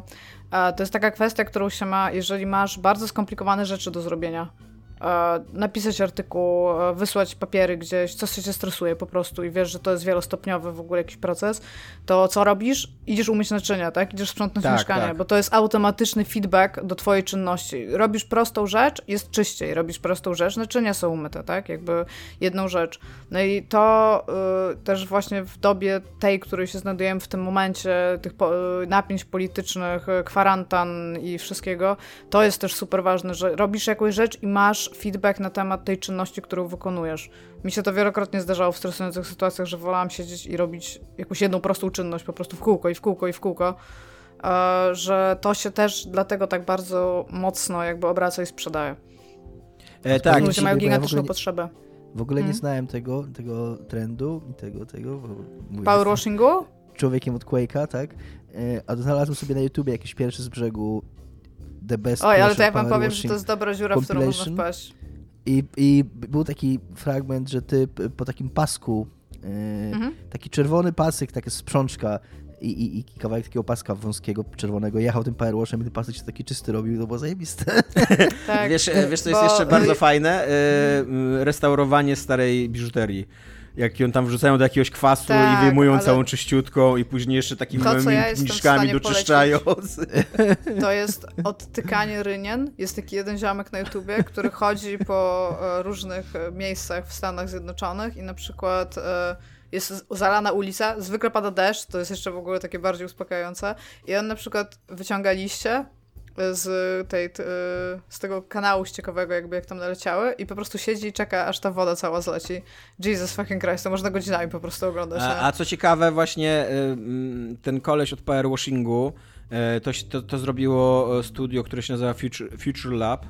E, I em, oni jakby dostali tak duży feedback od graczy, że to im pomaga w, w walce ze stresem, uspokaja ich, że pomaga im w jakichś takich sytuacjach lękowych i tak dalej, że chcą teraz zlecić jakieś badania, znaczy rozważają, to, to nie jest tak, że chcą, ale rozważają, żeby zlecić badania psychologiczne, e, jakieś takie bardziej naukowe z tego, co zrozumiałem, czy to przypadkiem nie pomaga jakoś e, z, dla ludzi z, z, chorobami e, psychicznymi, co nie? Czy, czy nie zrobili czegoś, co autentycznie może, wiesz, e, wspomóc nas na takim poziomie neurologicznym, co nie? Jakoś uspokoić, czy coś takiego. E, więc to by było super. I jeszcze em, taki stosunkowo najmniej ciekawy wątek dla mnie to był ten Microsoft Flight Simulator, bo tu się wydaje, że ta fantazja jest, przynajmniej dla mnie, jest dosyć oczywista, jakby fantazja o Ona też jest lataniu. trochę wielo, wielopoziomowa, Tak, bo jest tak. i fantazja o lataniu, ale I fantazja o obsłudze samolotu. obsługiwać tak, samolot. No właśnie. I fantazja o podróżowaniu po świecie, co nie? Więc i do tego jeszcze Dominik swego czasu sporo mówił o, o tej grze, więc tak jak mówię, tutaj będę wy, wyciągnął tylko jedno spostrzeżenie z tego artykułu, e, ale 70% graczy, którzy zaczynają grać pierwszy raz w Microsoft Flight Simulator, nie leci do żadnego Hongkongu, Gi- Gizy, ani, ani nie wiem, jakiejś innej Moskwy, e, czy czegoś takiego, żeby zobaczyć jakiś taki legendarny widok, tylko leci nad swoją Do własną, nad, sw- nad swój własny dom, nad swoją własną miejscowość. 70% graczy, co nie? Ale tak jest, wiecie, bo jak ludzie, jak Też wyszedł nie mnie Microsoft Flight tak. Simulator i to pierwsze, co na przykład umie w firmie wrzucali, to siedzibę firmy, nie? W sensie patrzcie, patrzcie jak wyglądamy z tego. Właśnie też na Eurogamerze był bardzo fajny artykuł, nie pamiętam czyjego autorstwa, ale, ale właśnie też pisał tam typ, że o, o takim doświadczeniu, że to jest takie też niezwyk, nie, no właśnie, że to jest niezwykłe doświadczenie, oprócz tego, że chcesz to zobaczyć, że nigdy nie widziałeś swojego domu w, jakby z, taki, w takim kontekście, miejsca, w którym mieszkasz, e, to też e, jakby coś takiego, że bo tam gra jeszcze zaciąga dane pogodowe z e, prawdziwe, Tak. więc y, jakby lecisz w tych samych warunkach, które widzisz za oknem, więc to jest takie w On- ogóle... Ten człowiek też tam mówił o tym, że ona takie melancholijne te mm, potrzeby w graczach zaspokaja, bo też bardzo często się odwiedza na przykład miasta, w którym żyłeś w dzieciństwie, jakieś miejscówki takie, z Tak, którymi jesteś tak. związany emocjonalnie i tak dalej, nie? Uważam, że to jest super urocze i, i tak, i szanuję tą grę za to. Bardzo czekam, Czas, czasami ludzkość jest spoko, nie? Bardzo Tak, rzadko, ale czekam, czasami jest. Bardzo czekam, aż będzie w y, cloudzie w końcu. W końcu będzie w cloudzie. y, To wtedy, wtedy sobie polatam. E, No, no i to jest tak, to jest temat tego artykułu. Iga, a ty y, jak bardzo, jak blisko jesteś z młodzieżą? Nie wiem, jak blisko jestem z młodzieżą. Wydawało mi się, że dosyć blisko, ale zaczęłam grać w Scarlet Nexus i e, okazało się, że może jestem bliżej z młodzieżą zachodniego kręgu kulturowego, bo e, Scarlet Nexus Wschodniego. jest grą zachodniego jestem chyba bliżej, ponieważ okej. Scarlet Ponieważ Nexus ci nie weszło. jest... Ja, czy, daj mi skończyć zdanie, Nie! to się dowiesz. Jak, jakie to jest uczucie, Iga? Jakie to jest uczucie? Scarlet Nexus to jest gra e, od Bandai Namco, więc jakby i, to, i Tose chyba, jeżeli dobrze pamiętam, e, napisy z początku. Też jakby wydana przez Bandai Namco, oprócz tego, że zrobiona. I to jest gra o japońskich nastolatkach, których zawsze muszą bronić świata, bo coś, nie? Zawsze, zawsze to się zdarza. W ogóle e, my się nigdy, nigdy nie spłacimy tego długo wobec japońskich nastolatków, które tyle razy uratowały świat. Tak. A więc to jest e, gra, gra się, znaczy to po pierwsze to jest TPP action game. Takie, takie jak myślicie, że to jest dokładnie, to jest dokładnie jak myślicie o japońskiej Właśnie grze to jest akcji to, to jest to, o co chciałem spytać, bo ty mówiłaś, że to jest japońskie RPG, ale tak pod względem rozgrywki to to jest taki bardziej slasher, tak? Biegasz i, i bijesz ludziki. Znaczy to nawet, znaczy to, to jest po części action RPG, RPG, ale to jest action RPG, no tak, japońskie. Takie nie, no stylu... Ta, no bo tradycyjne japońskie RPG Ale ja nie powiedziałam ani razu, że to jest tradycyjne no, tak. japońskie RPG. No ja wiem, ale powiedziałeś, że to jest... Powiedziałam, że to jest action, a potem powiedziałam, że to jest RPG. I jedno zignorowałeś, a drugie postanowiłeś zapamiętać. Nie, to nie jest graturowe, jak najbardziej. Pamiętam, odnosiłem się po prostu do tego, co pisałaś na czacie, że mhm. to jest japońskie RPG, no i chciałem się spytać. Tak, e, ogólnie tak, to, to jest action RPG japońskie. E, czy to jest slasher? I tak i nie. Nie ma, nie ma takich super reguł do których bym przywykła, jeżeli chodzi o slashery, ma miejsca, gdzie po prostu będą się spawnować a, ci a, enemies. Tak, i... Którzy jak się nazywają, enemies? Nazywają się inni, the others. znaczy ja gram w ogóle po japońsku e, z częścią po angielsku, więc... E, więc trudno mi się gra, ale no daję radę. I teraz, co jest ważne? E, ważne są wszystkie nazwy własne, które podają w tej grze, ponieważ to jest, e, jak, jak mówiłam, to jest przyszłość, natomiast to jest przyszłość e, w alternatywnej rzeczywistości, gdzie stało się jakby ludzkość odkryła taki hormon w mózgu, który pozwala zwiększać takie psioniczne możliwości ludzi. No i u ludzi to się objawia tam w różnym wieku i jest taka jakby mm, instytucja, która jest taka militarną instytucją, ale też trochę szkołą, taką akademią, ale militarną, taką military school, bym powiedziała, nie wiem jak się mówi po polsku, nie wiem czy mamy takie w ogóle rzeczy, e, która to nazywa Akademia się... Akademia wojskowa chyba po prostu. No tak, tylko że do szkoły wojskowej możesz pójść tam w wieku nastu lat, nie? A Akademia Wojskowa to jest chyba dla pełnoletnich? Nie wiem. No, ale Jeżeli każdy... ktoś z naszych słuchaczy wie, to polecamy nam skomentować i nam Bo wiem, że w Stanach Zjednoczonych jest po prostu taka instytucja, która tak, się nazywa tak. Military School i to jest e, jakby szkoła plus wojsko, nie? No ale w każdym razie to tam. To to jest coś takiego i to się nazywa OSF. Zapytacie się, Iga, co oznacza OSF i powiem wam, że wydaje mi się, że powiedzieli mi o tym 70 razy w tej grze i nie zapamiętałam, natomiast jest to The Other Suppression Force. jakby... I teraz co to są ci inni, to ci The Other? Przez to, że te hormony zostały e, jakby ogarnięte w naszym mózgu w taki sposób, e, żeby e, młodzież, ale też dorośli byli w stanie wykazywać różne mm, moce, natomiast każda osoba ma tylko jedną moc. Nie może być coś takiego, że jeżeli na przykład Tomasz by dostał ten hormon, to by miał różne moce, tylko na przykład by był pirokinetykiem. Tak? Albo miałby clairvoyance, nie wiem jak jest clairvoyance po polsku, jeżeli chcecie mi pomóc, to możecie znaleźć. A i w związku z tym pojawiło się coś takiego, co się nazywa The Extinction Belt. I to jest taka wyrwa po prostu w niebie, z której spadają ci inni. I ci inni to są takie kreatury, które mają najprawdopodobniej, bo to jest co, to, co mi się spodobało, kiedy pierwszy raz pokazywali tę grę. I dlatego w ogóle o niej pamiętałam przez cały czas. One, koncept art tych dzieciaków to jest po prostu nic. To są takie, takie po prostu stokowe nastolatki japońskie, które się biją z jakimiś ludźmi. Mają kaptury, mają jak takie nowoczesne ubrania, gdzie na przykład laska ma pół spodni, bo ma jedną nogawkę, a drugich nie ma. E, ziomki są poubierani w takie bluzy z wysokimi e, tymi kołnierzami, więc jakby to jest, to jest super stokowe, ale każdy projekt, każdego przeciwnika, kurde, który cię atakuje, to jest po prostu jakiś majstersztyk, bo to jest taki to jest taka jakby radość nad faktem, że powstały w ogóle jakieś takie sadomasochistyczne rzeczy i że można w ogóle tam kneblować ludzi na przykład i robić z nich w ogóle kadłubków z jakiegoś powodu i to tak zupełnie, kurde, nie pasuje do całej reszty tego świata, że to jest aż przepiękne. Wczoraj miałam boss battle, e, w którym on jest akurat, nie, nie wiem czy ktoś to będzie grał dla fabuły, ale na wszelki wypadek nie będę tutaj nic spoilować, bo ta fabuła oczywiście jest też bardzo poważna i bardzo tam się rzeczy dzieją. A w którym jak zobaczyłam projekt postaci e, te, tego bossa, który po prostu w pewnym momencie spadł tam na level, na arenkę, to ja po prostu nie byłam w stanie nic zrobić, tylko krzyczeć. Był taki super. W sensie rzadko się widzi, moim zdaniem, w, w ogóle w grach tak dobry projekt wrogów, jak jest tam i tak bardzo różny od wszystkiego innego.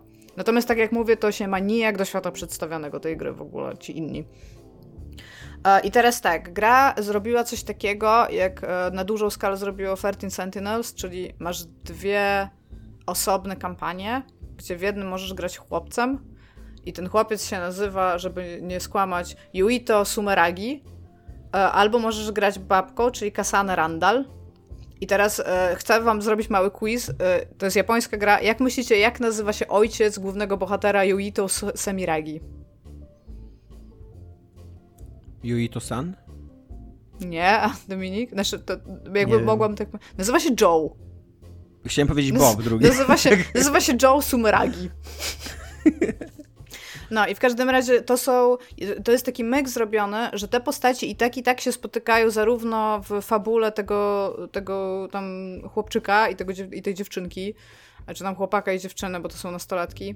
A natomiast jakieś około, podobno jak rozmawiałam z ludźmi, około 30% całkowitej fabuły, tak żeby wszystko zrozumieć, jest, musisz przejść obie ścieżki jakby, nie?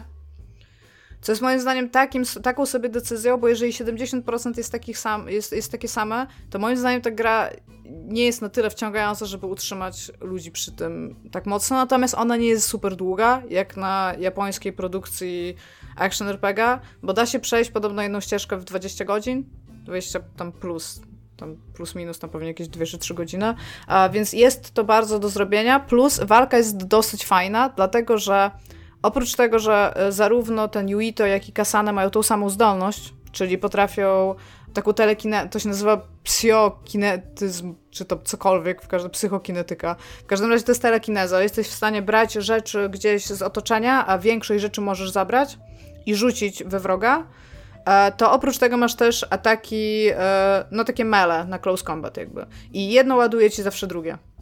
W sensie nie jesteś w stanie rzucać i całkowicie cały czas używać mocy, jeżeli nie będziesz bił ziomeczków mieczem. A, Ale wydaje mi się, że komuś, komuś się y, ten świat na tyle spodobał, bo jeszcze będzie animka na podstawie tego świata. On, ten świat nie jest jakby ja bym bardzo chętnie zobaczyła anime ze względu na to, że ja bym chciała zobaczyć walki z tymi ziomeczkami, z którymi tam walczysz, animowane jak w anime. Ale co chciałam powiedzieć, to cały jakby taki y, myk tych walk polega na tym, że do swojej drużyny możesz zebrać ludzi, którzy mają inne zdolności niż ty i oni na czas walki, na określony czas mogą ci pożyczyć trochę ich zdolności, bo jesteś z nimi połączony w takim Psynet, whatever. I e, w ten sposób możesz łączyć swoje zdolności na przykład z ogniem, albo z tam błyskawicami, albo być nie, nieśmiertelny przez jakiś czas, albo niewidzialny.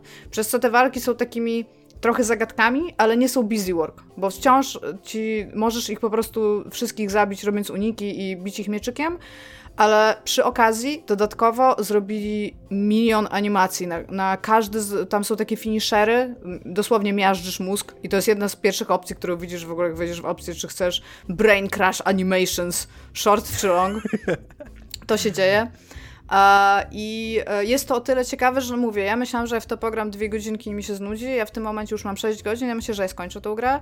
Natomiast ona ma wszystkie bolączki e, japońskich action RPG e, single player, czyli level design, który jest po prostu tak nienatchniony, że to się po prostu w pale nie mieści. Długie korytarze bez niczego, gdzie biegniesz i biegniesz i biegniesz i masz takie side, side screen dialogi po prostu pomiędzy ludźmi. Dodatkowo... Nie, no, replika jest, się kłania. tak, to jest taki właśnie tego typu świat. Zresztą automata też. No. Więc jakby robisz cały czas to i dobiegasz z jednego miejsca do drugiego. Po drugie, sidequesty ma po prostu już tak leniwe, na zasadzie podchodzisz do ziomeczka i on ci mówi, moim sidequestem, znaczy oczywiście jest tam ubrany fabularnie jakoś, nie? Ale tam centralnie moim sidequestem jest to, żebyś tych dwóch wrogów zabił w specyficzny sposób. I, się, I nawet nie podchodzisz do niego, żeby to dostać z powrotem, jakby od niego jakiś ten, co akurat moim zdaniem tutaj dobrze działa, bo I don't give a fuck, tylko centralnie z listy questów klikasz i zrobiłem to, chcę oddać tego questa, gra się ciebie pyta, naprawdę chcesz oddać tego questa? Ty mówisz tak i dostajesz po prostu do inwentory automatycznie nagrodę. nagrodę za niego, nie? Więc to jest takie i plus i minus, tylko że żeby dostać tego questa, na przykład musisz iść przez całkowicie pusty level, gdzie nic innego się nie dzieje, na przykład przez 5 minut, żeby pójść pogadać z ziomkiem, on ci mówi, że chce, żebyś zrobił to i musisz wrócić do jakiegoś miejsca potem, nie?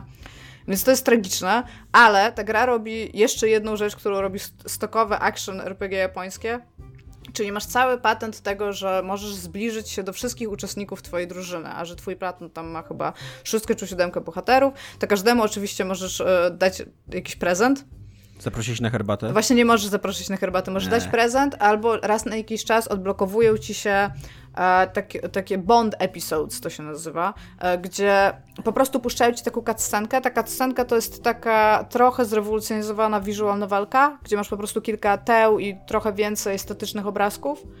E, I one są moim zdaniem takie sobie ciekawe, e, no ale są na tyle interesujące, że chce mi się jeszcze robić. Dlatego, że one z kolei mają wpływ na to, jaki masz e, związek z tą daną osobą i im głębszy jest ten związek, im jest na wyższym levelu, tym lepiej będą działać jej zdolności, jeżeli będziesz ich używał i będziesz miał w drużynie. Więc jakby ona ci sugeruje, żebyś to robił. Natomiast tak jak mhm. mówię, nie są to najciekawsze historie, jakie tam masz. One są strasznie stokowe. Oczywiście, że twój bohater ma w swoim platunie tą przyjaciółkę z dzieciństwa, tak? Bo przecież nie widziałeś dwa lata. I oczywiście, że ona jest tots into you ale oczywiście, że jakby mm, ta druga postać, którą ja teraz nie gram, czyli tę y, Kasanę, E, którą też możesz grać, jakby żeby odblokować, to ona jest taką bardzo zimną osobą, do której nie możesz tam w ogóle, wiesz, podejść. Ona jest tam adoptowana, ma taką Ale siostrę. jak się z nią zapoznasz, to się okazuje, że jest Jeszcze bardzo... się nie dała mi z nią zapoznać, natomiast już zaczyna Ale ja tam powiem, być... No okaże. tak, tak, tam już iskry ogólnie lecą i tam już laski są, e, mają ból dupo, to, że on coś tam z nią. A plus ona ma siostrę, którą bardzo broni. I oczywiście twój najlepszy przyjaciel jest Toads into ta siostra. I to jest po prostu taki stok nad stoki anime, Jezu, nie? jak ja kocham anime. Wszystko, co się dzieje. No tak, nie, ale tam jakby... Oczywiście, że y, pani tam, y, tego twojego platun y, lidera, on ma koleżanki. Oczywiście, że to jest babka z wielkimi cyskami, która jest po prostu najmilszą osobą na całym świecie, bo to jest ten archetyp matki, tak? I tam whatnot. No i tam wszystko, wszystko się zgadza, jakby all points są checked, nie? Tylko, że ona przy okazji jest, mówię, na tyle taka snappy, jeżeli chodzi o kombat, że się chce dalej grać. Nie mam z tym żadnego problemu, żeby dalej w nią grać, pomimo tych właśnie niezainspirowanego tego level designu i jakby tego nudnego po prostu przechodzenia tych sidequestów, to realnie jestem zainteresowana, a że już pograłam 6 godzin, to już za dużo mi nie zostało, bo jeszcze tylko 3 razy tyle, więc jakby, jakby czemu nie? Czemu tego nie przejść? Jestem nią zainteresowana, nie jest to moja ulubiona gra, ale wszystkim polecam, ja chyba nawet tych, wyszukam konceptów tych przeciwników, które są tacy dobrzy i po prostu wkleję je w opisie, bo moim zdaniem się opłaca to po prostu zobaczyć z tego względu. Jak nie lubię artbooków, to centralnie tej gry artbooka bym kupiła tylko i wyłącznie, żeby poglądać sobie tych enemies. Słucham, Tomaszu. E, ja bym chciał tylko sprostować moją informację i pokajać się tutaj przed słuchaczami, że ta animka już leci i 7 października ma polecieć ostatni epizod pierwszego sezonu, więc Iga, jeżeli jesteś napalona, to już możesz to oglądać. O, jestem bardzo A zrobiło to, studio, e, zrobiło to studio Sunrise, które zrobiło m.in. Gundama, Cowboy Bebop, e, więc jakieś tam Tylko doświadczenie mają. Jakby może ale, mają doświadczenie, ale... Animka, sama animka nie ma wysokich... No właśnie chciałam powiedzieć, że tutaj nie ma za bardzo z czym pracować, wiesz, bo to jest gru o grupie nastolatków, którzy mają normalne życie, a te, te, w ogóle ten, właśnie ten lore i ten świat przedstawiony jest też taki dziwny, bo w Ewangelionie na przykład masz taki mo motyw, że ty wiesz, że ten świat jest taki trochę umierający, nie? I tam to widać po prostu, że tam się za wiele już nie dzieje jakby i oni się bronią po prostu. Tutaj jest tak, że oni niby cały czas cię atakują, ale te miasta są takie, że na przykład jesteśmy pomiędzy jakąś misją, że tutaj zaraz coś się stanie i będziemy tam militari nas, nas będą wysyłać, ale Laska i mówi, chodźmy na ramen, no rozumiesz, no i tak siedzę i jakby wiesz, no, e. jakby to nie, to, to, nie gra tak super ze sobą dobrze, nie? Na My Anime List ma 5,8 na 10 od fanów. Hmm. Więc jakby no nie widzę jakby co oni by tutaj, jaki wątek mieliby rozwijać, jeżeli... A, i tutaj jest jeszcze mój jeden taki, ale to mój chyba bardzo osobisty w ogóle, e, to jak ja to postrzegam. Moim zdaniem ta animka, znaczy animka, ta gra by super dużo zyskała, jeżeli byłaby bardzo krwawa. Dlatego, że wszystkie te finishery, wszystkie ciosy, one jakby sugerują, że tam, że, to, że zabijanie tych innych jest krwawe, natomiast to jest rozwiązane przez takie jakby bryzgi światła. Jakby to moim zdaniem nie działa, a jak ona by była taka super brutalna, to ona by miała, jakby w tym, co ona się stara powiedzieć, to byłaby trochę lepsza, bo ona mówi o tej brutalności, jakby, nie? W sensie tak y, rozmawiają o tym pomiędzy tymi. Więc y, Nie wiem, mam nadzieję, że przejdę dalej. Już mój bohater ma takie uszy królicze, które są takie trochę robotyczne, co uważam za super cute, bo sobie to ubrałam tak dla Becky, a teraz jest e, po prostu w każdej cutscence, we, wszystkich tych ma te uszy i to jest w ogóle bardzo dobrze tak technicznie zrobione, ogarnięte. Plus e, do tego stopnia, że jak masz wybrane osoby, do drużyny i masz loading screen, to po prostu na tym loading screenie masz ich sylwetki, jak one tak idą. To jest w ogóle bardzo ładnie animowane, że idą to po prostu do przodu. I nawet te uszy tam są. Więc jestem taka pod wrażeniem takiego e, attention to detail, które totalnie przepadło w każdej innym aspekcie tej gry, ale królicze uszy ogarnęli po prostu fenomenalnie dobrze, nie? Po prostu y, znają swoją y, widownię i wiedzą, czym się skupić. Tak, ale y, tak jeszcze Tomek, tak żeby ci powiedzieć, jak bardzo stokowe to jest. Oczywiście, że jest laska, która tam ma 1,20 m i jest, wygląda jakby miała 10 lat i oczywiście, że ona jest dużo starsza od ludzi, którzy ci się wydają, że e... są tam ten... Iga, jeszcze się z tobą kłóci jest... o to. Być może to jest stokowe, ale ja jestem wielkim fanem y, Fire Emblem, które totalnie wszystkie te stokowe typy wykorzystuje w każdej, w każdej części. I, tak, tak, jakby więc... ja nawet mówię, ja nawet nie mam z tym problemu, co więcej Tylko z tego, to... co słyszę, to wydaje mi się, że Fire Emblem jest lepiej pisane, bo tam te rozmowy Oczywiście, są że tak. O Jezu, tam, tam jest, ja ci mówię, że ja słucham tej gry po japońsku, tak? Jakby ja nie kumam połowy e, z, z, z, bardzo wielu rzeczy, jeżeli nie mam napisów gdzieś tam włączonych albo nawet na nie nie patrzę. Ja i tak i tak wiem, o czym oni gadają, nie? Z jakichś pojedynczych słów. Ja po prostu ale ja grasz wiem... po japońsku bez napisów? E, mam napisy włączone, ale nie zawsze, bo chcę się trosz, trochę osłuchać z językiem.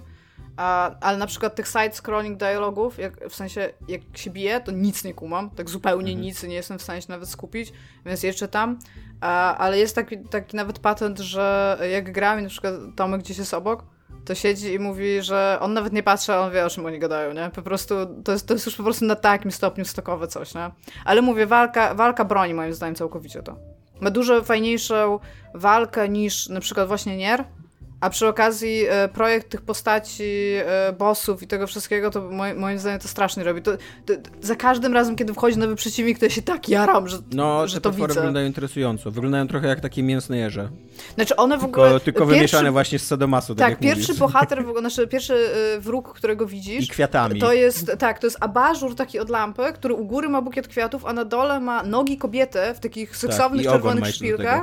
Tak, tylko że te nogi też nie, nie są ludzkie, w sensie one się składają jak nogi konia albo y, tam jakiej, w sensie kopytnego czegoś, plus ma ogon i ty siedzisz i co tutaj zaszło? I potem jest po prostu coraz lepiej, bo mówię, masz kadłubki z takimi y, kneblami w, w ryjach, które mają dwie głowy w ogóle. I Ciekawe, siedzisz... czy jest hentai na ten temat. No właśnie, to by mnie bardziej interesowało niż anime, nie? Tak ci powiem. No i plus y, potem jeszcze masz takie jakieś y, kozy, które w ogóle chodzą na dwóch nogach raz na jakiś czas i to jest takie creepy trochę, ale przy okazji no to jest kolorowa napieprzanka japońska, tak? Więc jakby cały czas masz e, takie fioletowe e, smugi, które zostawia miecz i właśnie wszystko wybucha Jak jest hentai o tych kozach, to nasz minister spraw wewnętrznych by się tym zainteresował. Pewnie chyba. tak. Chyba lubi takie rzeczy. Mhm. Też mi się wydaje, że to jest taki typ, no. Ale tak, no, jakby czy mogę polecić? Jak na razie się bawię zaskakująco dobrze, natomiast dla mnie to nie będzie nigdy gra powyżej 6 na 10. To jest po prostu No właśnie, taka czyli gra. Wszystkie, wszystkie trzy gry, a, a które dzisiaj mamy, to jest takie wait for sales, nie?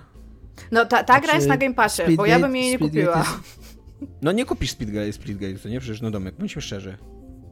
No nie, no ja, ja, mam tak, e, tego Scarlet Nexus, on był dla mnie na tyle interesujący ze względu na to, jak oni pokazali pierwsze screeny i pierwsze e, tam walki, po prostu właśnie ze względu na enemies, e, wrogów. Nie wiem, czemu nie potrafię tego zapamiętać dzisiaj.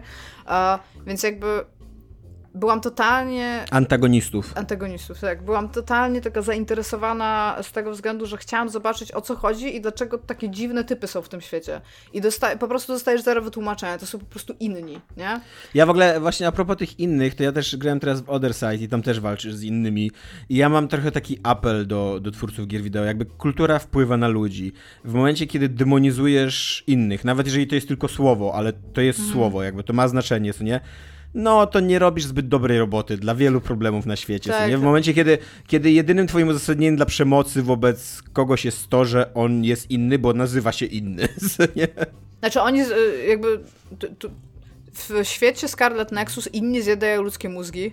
Nie, no tak, tak. No, w, świecie, w, świecie, w świecie. Other Side też, też oni są źli, co nie? Ale wiesz, jakby mówię, słownictwo też ma znaczenie, co nie? Tak, to, to jak, tak samo jak jak, język na nas wróg wpływa, nie? i tam Tak. język propagandowy zasługują wróg Tak. najpopularniejszym. Ale co chciałam powiedzieć, to jest fakt, że ja bym tę grę pewnie kupiła tak jak ty mówisz Tomaszu w e, promocji. Ja bym co więcej ją kupiła w promocji pewnie jak ona by kosztowała 30% swojej naczelnej ceny. Natomiast Scarlet Nexus wszedł do Game Passa. I jak ja to tylko zobaczyłam, to ja wczoraj usiadłam, ściągnęłam tę grę i byłam, no jak chcę w nią pograć. Co więcej, to jest jedna z niewielu gier, która mnie nie oszukała w fakcie, bo ściągnęła chyba 40 tam ileś procent i powiedziała, już możesz grać. I zawsze to się kończy na tym, że na przykład wchodzę do tutoriala, przejdę tutorial i jest gra musi się dociągnąć. A tutaj dała mi grać i jest zrobione tak, że się dociągnęła po prostu w trakcie jak gram. Więc jestem pod, jakby szanuję to w opór, nie? To, to jest super. E, No i mówię, jestem Niestety- 6 godzin w tym i myślę, że ją przejdę. Re- Realnie w tym momencie, jak się mnie zapytasz, to myślę, że ją przejdę. Myślę, że to jest taka gra. Ja bym powiedziała, że to jest gra 7 na 10 bez serca. Czyli takie 6 na 10, tak? Bo to 7 na 10 to jest gra 6 na 10 plus z sercem dla mnie. Więc Domek? Yy, nie, nieważne już. Chciałem Nie? coś powiedzieć na temat, ale to już nie jest temat, więc nieważne. E, dobra, no to przechodzimy do następnego segmentu. E, zapytaliśmy się was ostatnio, e, co jest e, ciekawego, w, która forma naszych odcinków jest ciekawsza, czy, mm, e, czy newsowa, czy tematyczna, czy nie powinniśmy nic zmieniać. E, pomiędzy, głosy pomiędzy newsowa a tematyczna na naszej grupie facebookowej, od razu powiem o. Grupa nasza na- facebookowa nasze nieczyste zagrywki, tylko po to, żeby wszystkim utrudnić życie. E, jakbyście chcieli, to znajdźcie grupę nieczyste zagrywki, my tam dodajemy wszystkich, ale też czasem wywalamy ludzi, jak są niegrzeszni. E, I ja tam zrobiłem taką ankietę e, i przytłaczająca większość głosów była taka, żeby nic nie zmieniać, e, a za to, natomiast głosy za tematami i za e, newsami e, się podzieliły, tak mniej więcej po połowie, tam chyba jeden czy dwa głosy różnicy były. E, I były, była również e, taka opcja, e, żebyśmy przeprowadzili rewolucję i wymyślili coś nowego. E, I na tą, na, tą opcję, na tą opcję zagłosowały dwie osoby, więc oczywiście, że wzięliśmy sobie to do serca. Zawsze z mniejszościami. Dziękujemy, tak, zawsze my zawsze z mniejszościami dziękujemy za feedback. Zamierzamy zignorować te 300 głosów i pójść za głosem tej, tej dwójki. E, I mamy dla was dwie niespodzianki. Jedną zaraz odkryję przed wami, a drugą mamy nadzieję nagrać za tydzień, ale jeżeli nie wyjdzie za tydzień, to jakoś za 2-3 tygodnie. W najbliższej przyszłości w każdym razie, mamy nadzieję. Więc spodziewajcie się jakiegoś trochę zamieszania. Nie będzie to rewolucja, nie, nie, nie obawiajcie się. E, Ale tak, e, tam w wątku pod tym kilka osób napisało, że super lubią poezję i że super by było, jakby Tomek czytał wiersze. I faktem jest takim, że Iga miała swoje rapowanie i też czytała dwa wiersze, tak? y, Cudze. Moje. Moje Nie, też. swoje czytałaś, ale też przeczytałaś cudze Tak, razy, czytałam tak? cudze, No, no. właśnie. E, Dominik miał swój kącik udawania broni, ja nigdy żadnego takiego swojego kinku nie miałem, żeby tutaj e, machać e, penisem przed ludźmi i się chwalić, że też jestem fajny. I no i tak, i postanowiłem, że, znaczy postanowiliśmy, że będziemy, że ja będę czytał poezję. E, Ja bym chciał Czy my- tylko my, powiedzieć... Tomek, my Tomek postanowiliśmy? My Tomek ja, postanowiliśmy, ja tak, postanowiłam też Tomek, ja. że my będziemy czytać poezję. tak. Ja tylko chciałbym zastrzec, że ja nie jestem znawcą poezji, mimo tego, że jestem po polonistyce, to nie bierzcie tego, nie, nie bierzcie mnie pod włos. E, wiem, kiedy wiersz mi się podoba i kiedy do mnie trafia i to jest wszystko, co ja wiem o poezji. I też chciałem powiedzieć, że nie jestem lektorem profesjonalnym, a w czytaniu poezji, jakby poezja to jest w ogóle taka sztuka do słuchania. Poezję powinno się słyszeć, a nie czytać. Więc w słuchaniu poezji, w czytaniu poezji nie jestem wybitny, więc mogę trochę kaleczyć te wiersze. E, a wiersze białe, które zazwyczaj są po prostu zdaniami podzielonymi na wersy, będę czytał tak jak mi wygodniej, bo czasem tam ta pauza pomiędzy wersami jest ważniejsza, ważna, a czasem to jest po prostu taki, taka proza, tylko ubrana w formę wiersza, to tam jakby nie będę. Więc przepraszam za wszystkie niedogodności, e, ale, ale niestety wyjścia innego nie macie, bo ja będę to czytał. E, I chciałbym e, dzisiaj przeczytać wiersz Piotra Bratkowskiego, który niestety zmarł kilka dni temu i był dosyć wybitnym polskim poetą. E, wiersz, e, na wiersz ja w ogóle nie znam Bratkowskiego twórczości, od razu się przyznam, e, ale po tym jak on umarł, to na moim wallu na Facebooku pojawiło się dużo ich wierszy, bo mam dużo znajomych, którzy tam się interesują jednak poezją, właśnie polonistów jakichś i, jeszcze z czasów WP, jak, się, jak w książkach pracowałem i trafiłem na taki wiersz, wyskoczył mi na, na ścianie, który bardzo do mnie trafił i który uważam, że jest super. I to jest wiersz Piotra Bratkowskiego, który nazywa się Bildungsroman. Um, I idzie on tak. Nie wiem jeszcze kim będę. Babcia wypuszcza mnie ogrodową furtką, w upalny poranek wyruszam świat, ostrożnie omijając zgniłe śliwki w trawie. Jest początek września 1969. Nie wiem jeszcze kim będę, biologiem czy może chemikiem. Ci, co rządzą, będą tu rządzić zawsze. To jedno jest pewne. Trzeba mieć ich fach, zapewni- trzeba mieć fach zapewniający margines wolności. Dziś właśnie mój pierwszy dzień w liceum. Być może zakocham się w tej przedwcześnie wyrośniętej dziewczynie ze środkowego rzędu. Nie wiem jeszcze kim będę. Roześmiani stoimy w słońcu, całą gromadą na dużym betonowym placu. Z otwartego okna słychać najnowszą piosenkę Jambali. Już pierwszego dnia naraziłem się nauczycielce. Mam 14 lat, jestem nieśmiertelny. Wkrótce całe miasto będzie należeć do mnie. I to jest koniec kącika poetyckiego na dzisiaj. E, bardzo mi się ten wiersz podoba, bardzo do mnie trafia. E, jeszcze, jeszcze mój kolega napisał taki hołd e, do tego wiersza, więc być może wam za tydzień, jeżeli wam się ten wiersz podoba, to dajcie znać w komentarzach, to być może za tydzień przeczytam wam ten hołd, bo też on mi się bardzo podoba. Jest bardzo podobny, tylko współczesny, jakby tak, współczesną wersją tego, mm, tego wiersza, co nie? I mamy jeszcze komentarz na koniec od Mateusza Kosłowskiego. Hej, macie jakieś opinie na temat Sex Education na, od Netflixa? Gatunek Coming of Age był ostatnio zaniedbywany, a jest niezwykle potrzebny. Według recenzji ten serial wydaje się być miłą odmianą. Macie? Oglądaliście Sex Education? Nie. Iga, znaczy, Dominik? Ja zastanawiam się skąd ta opinia, że gatunek Coming of Age jest Też się nie rozumiem trochę, tak. Mi się wydaje, że jest strasznie, że zawsze tego było dużo i, zawsze, i jest tego cały czas tak dużo, jak było bo wydaje mi się, że to są, że to jest twórczość, nie wiem jak Sex Education, bo ja odpowiem jak ja sobie po prostu tak jak ja i odpowiem na inne pytanie, e, bo, bo nie oglądałem Sex Education i nie mam żadnej, żadnego, zda, żadnego zdania na ten temat. E, natomiast jeśli chodzi o historię coming of age, jak, jak, jak w moim pytaniu, dlaczego one są takie popularne i dlaczego ich jest ciągle bardzo dużo, wydaje mi się, że historie coming of age mają w sobie coś takiego, że z jednej strony e, odwołują się i jakby działają na takiej nostalgii, czyli, czyli Czyli my chcemy przypominać sobie, jak to tak. było, jak byliśmy dziećmi, ale jednocześnie przez to, że są wchodzeni w dorosłość, to nie czujemy się może aż tak źle, że oglądamy coś, co jest e, przeznaczone dla dzieci i wydaje mi się, że w takich właśnie czasach e, takiej trochę infantylizacji kultury, o której się często mówi, której nie jestem jakimś szczególnym przeciwnikiem, to, to nie jest tak, że, to ja, że to ja, ja w ogóle nie lubię słowa infantylizm. Właśnie chciałam powiedzieć, że tak się mówi, że to jest infantylizacja kultury, tak, ale już na ja, wielu ja, frontach zostało udowodnione, że to nic z infantylizacją tak, tak, nie ma tak. wspólnego. Ja, właśnie chodzi o to, że ja strasznie nie lubię słowa infantyl, infantylizacja, infantylizm, bo ono jest niepotrzebnie według mnie negatywnie nacechowane, ale nie wiem, y, czy jest jakiś zamiennik neutralny, więc jakby to zaznaczam. Jakby ja absolutnie nie jestem wrogiem tego i, i jakby nie... To, co Iga też mówi, jakby chodzi, ale wiecie o co mi chodzi, no generalnie. Tak, tak. Y, no i, i, że, i że to właśnie jest odpowiedź na to moje pytanie. Dziękuję. Ja tutaj do Dominika, do tego co powiedział Dominik, to jeszcze chciałbym dorzucić, że te coming of age są z jednej strony, tak jak Dominik mówi, e, raczej targetowane do dorosłych, ale z drugiej strony rezonują też u dzieciaków, bo one właśnie tak. przeżywają właśnie trudny okres, napór hormonów i uczuć emocji, wchodzenie w dorosłość, więc też jakby odnajdują się w tych Inni historiach. spadają nie? z nieba, żeby zjeść ich mózgi z hormonami. Tak. tak, tak. A, właśnie, bo ja tutaj jeszcze, czy mogę powiedzieć jeszcze jedną rzecz z Cartlightons na koniec? Coś, Możesz. co docenicie. Wiecie, jak się nazywają e, punkty skilli? Skill points? Brain points. I wiesz, gdzie się je dodaje? Do mózgu. Do brain map. Okay. Oni się tam w ogóle nie pierniczą, to jest wszystko do mózgu. E, ale to brzmi totalnie jak e, nazewnictwo i też właśnie punkt to, Ja nawet nie wiem, czy oni tego nie nazywają Burainu. E, bo też Otherside też korzystało z takich nas, zwykłych słów pisanych wielką literą, co nie? Tak. To jest, to jest w ogóle ważne, jeżeli coś ma być wzniosłe, to to musi być normalne tak. słowo, ale od wielkiej. E, ja z, odpowiadając tutaj Mateuszowi na to pytanie, ja oglądałem dwa sezony Sex Education, nowego jeszcze nie oglądałem. E, to jest spoko serial, który robi bardzo dobrą robotę, bo on ma taki edukacyjny sznyt, e, właśnie żeby uczyć edukacji, żeby uczyć, tak, edukacji seksualnej. Tutaj chyba to jest pleonazm, Dominik.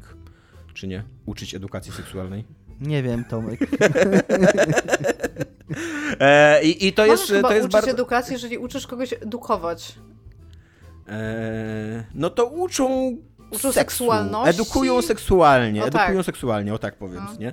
E, i, i, I to jest bardzo spoko jakby misja i, i one są bardzo spoko w tym, jakby uczą o tym, że jesteś, jesteśmy inni, że mamy inne potrzeby, że ta inność seksualna, taka biologiczna i cielista i tak dalej jest spoko, że każdy potrzebuje innych rzeczy, żeby się podniecić, dojść i tak dalej, że są najróżniejsze techniki uprawiania seksu, że każdy ma inny wiek tej inicjacji seksualnej, że nie ma się czego wstydzić, jeżeli tam wcześniej czy późno, że istnieje coś takiego jak przemoc seksualna i że ta przemoc jest zła i jak ją rozpoznawać i tak dalej.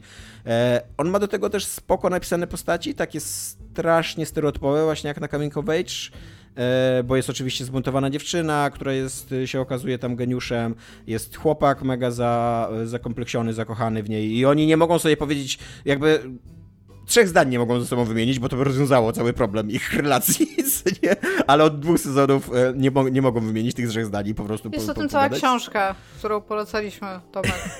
Tak się dzieje w życiu. Ludzie ze sobą nie rozmawiają. Tak, tak. E, Jest też matka, grana przez Gillian, An- Gil- Gillian Anderson, e, która jest seksuologiem, seksuolożką. Jest.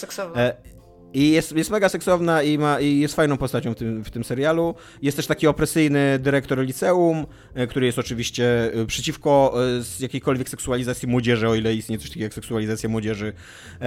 I więc to jest spoko serial, ale mnie osobiście, ja lubię go oglądać, nie mam nic przeciwko temu, żeby go oglądać, ale teraz jak miałbym przerwać to, co oglądam teraz, albo oglądać równolegle dwa seriale, te, czyli tego Madmena, no to nie, to jakby nie czuję takiego oparcia. Nie jest to serial, który mnie tyle, na tyle wciągnął, żeby tam cokolwiek poświęcić, w jakikolwiek sposób się w niego wciągnąć i oglądać go po godzinach i, i czuć jakieś ciśnienie na ten trzeci sezon, nie?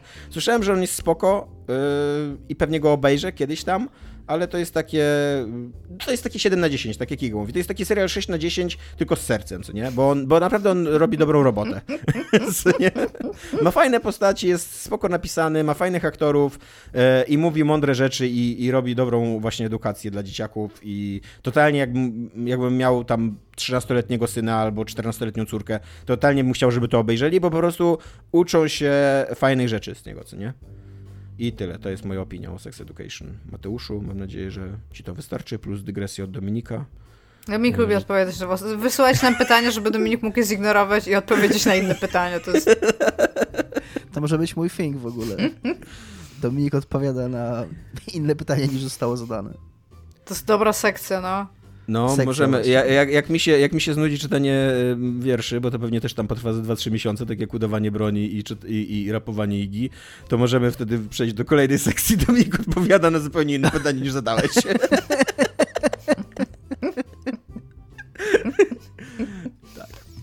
I niestety, drodzy słuchacze, nasz czas antenowy dobiegł końca. Będziemy się już żegnać powoli. Moimi gośćmi, ale również współprowadzącymi była e, kulturoznawczyni i historyczka sztuki Iga Ega Smoleńska. Igo, dziękuję Ci bardzo za obecność tutaj Dziękuję za zaproszenie, Tomaszu. Moim drugim gościem, ale również współprowadzącym, przyjacielem, tak samo zresztą jak Iga i moją bratnią duszą, e, był tutaj Dominik Gąska, ekspert od marketingu gier mobilnych. Dziękuję Ci, Dominiku. Dziękuję, dziękuję Tomaszu. E, A prowadzącym ten program, jak e, zazwyczaj, bo też nie zawsze, ale często, nawet może nie prowadzącym, ale jakimś takim wodzirejem, byłem ja, doktor Tomasz Pstrągowski. E, Dziękuję bardzo Wam za to, że wysłuchaliście nas. Miejcie dobry tydzień, wróćcie za tydzień do nas, my czekamy. Do widzenia. Widzenia. Cześć.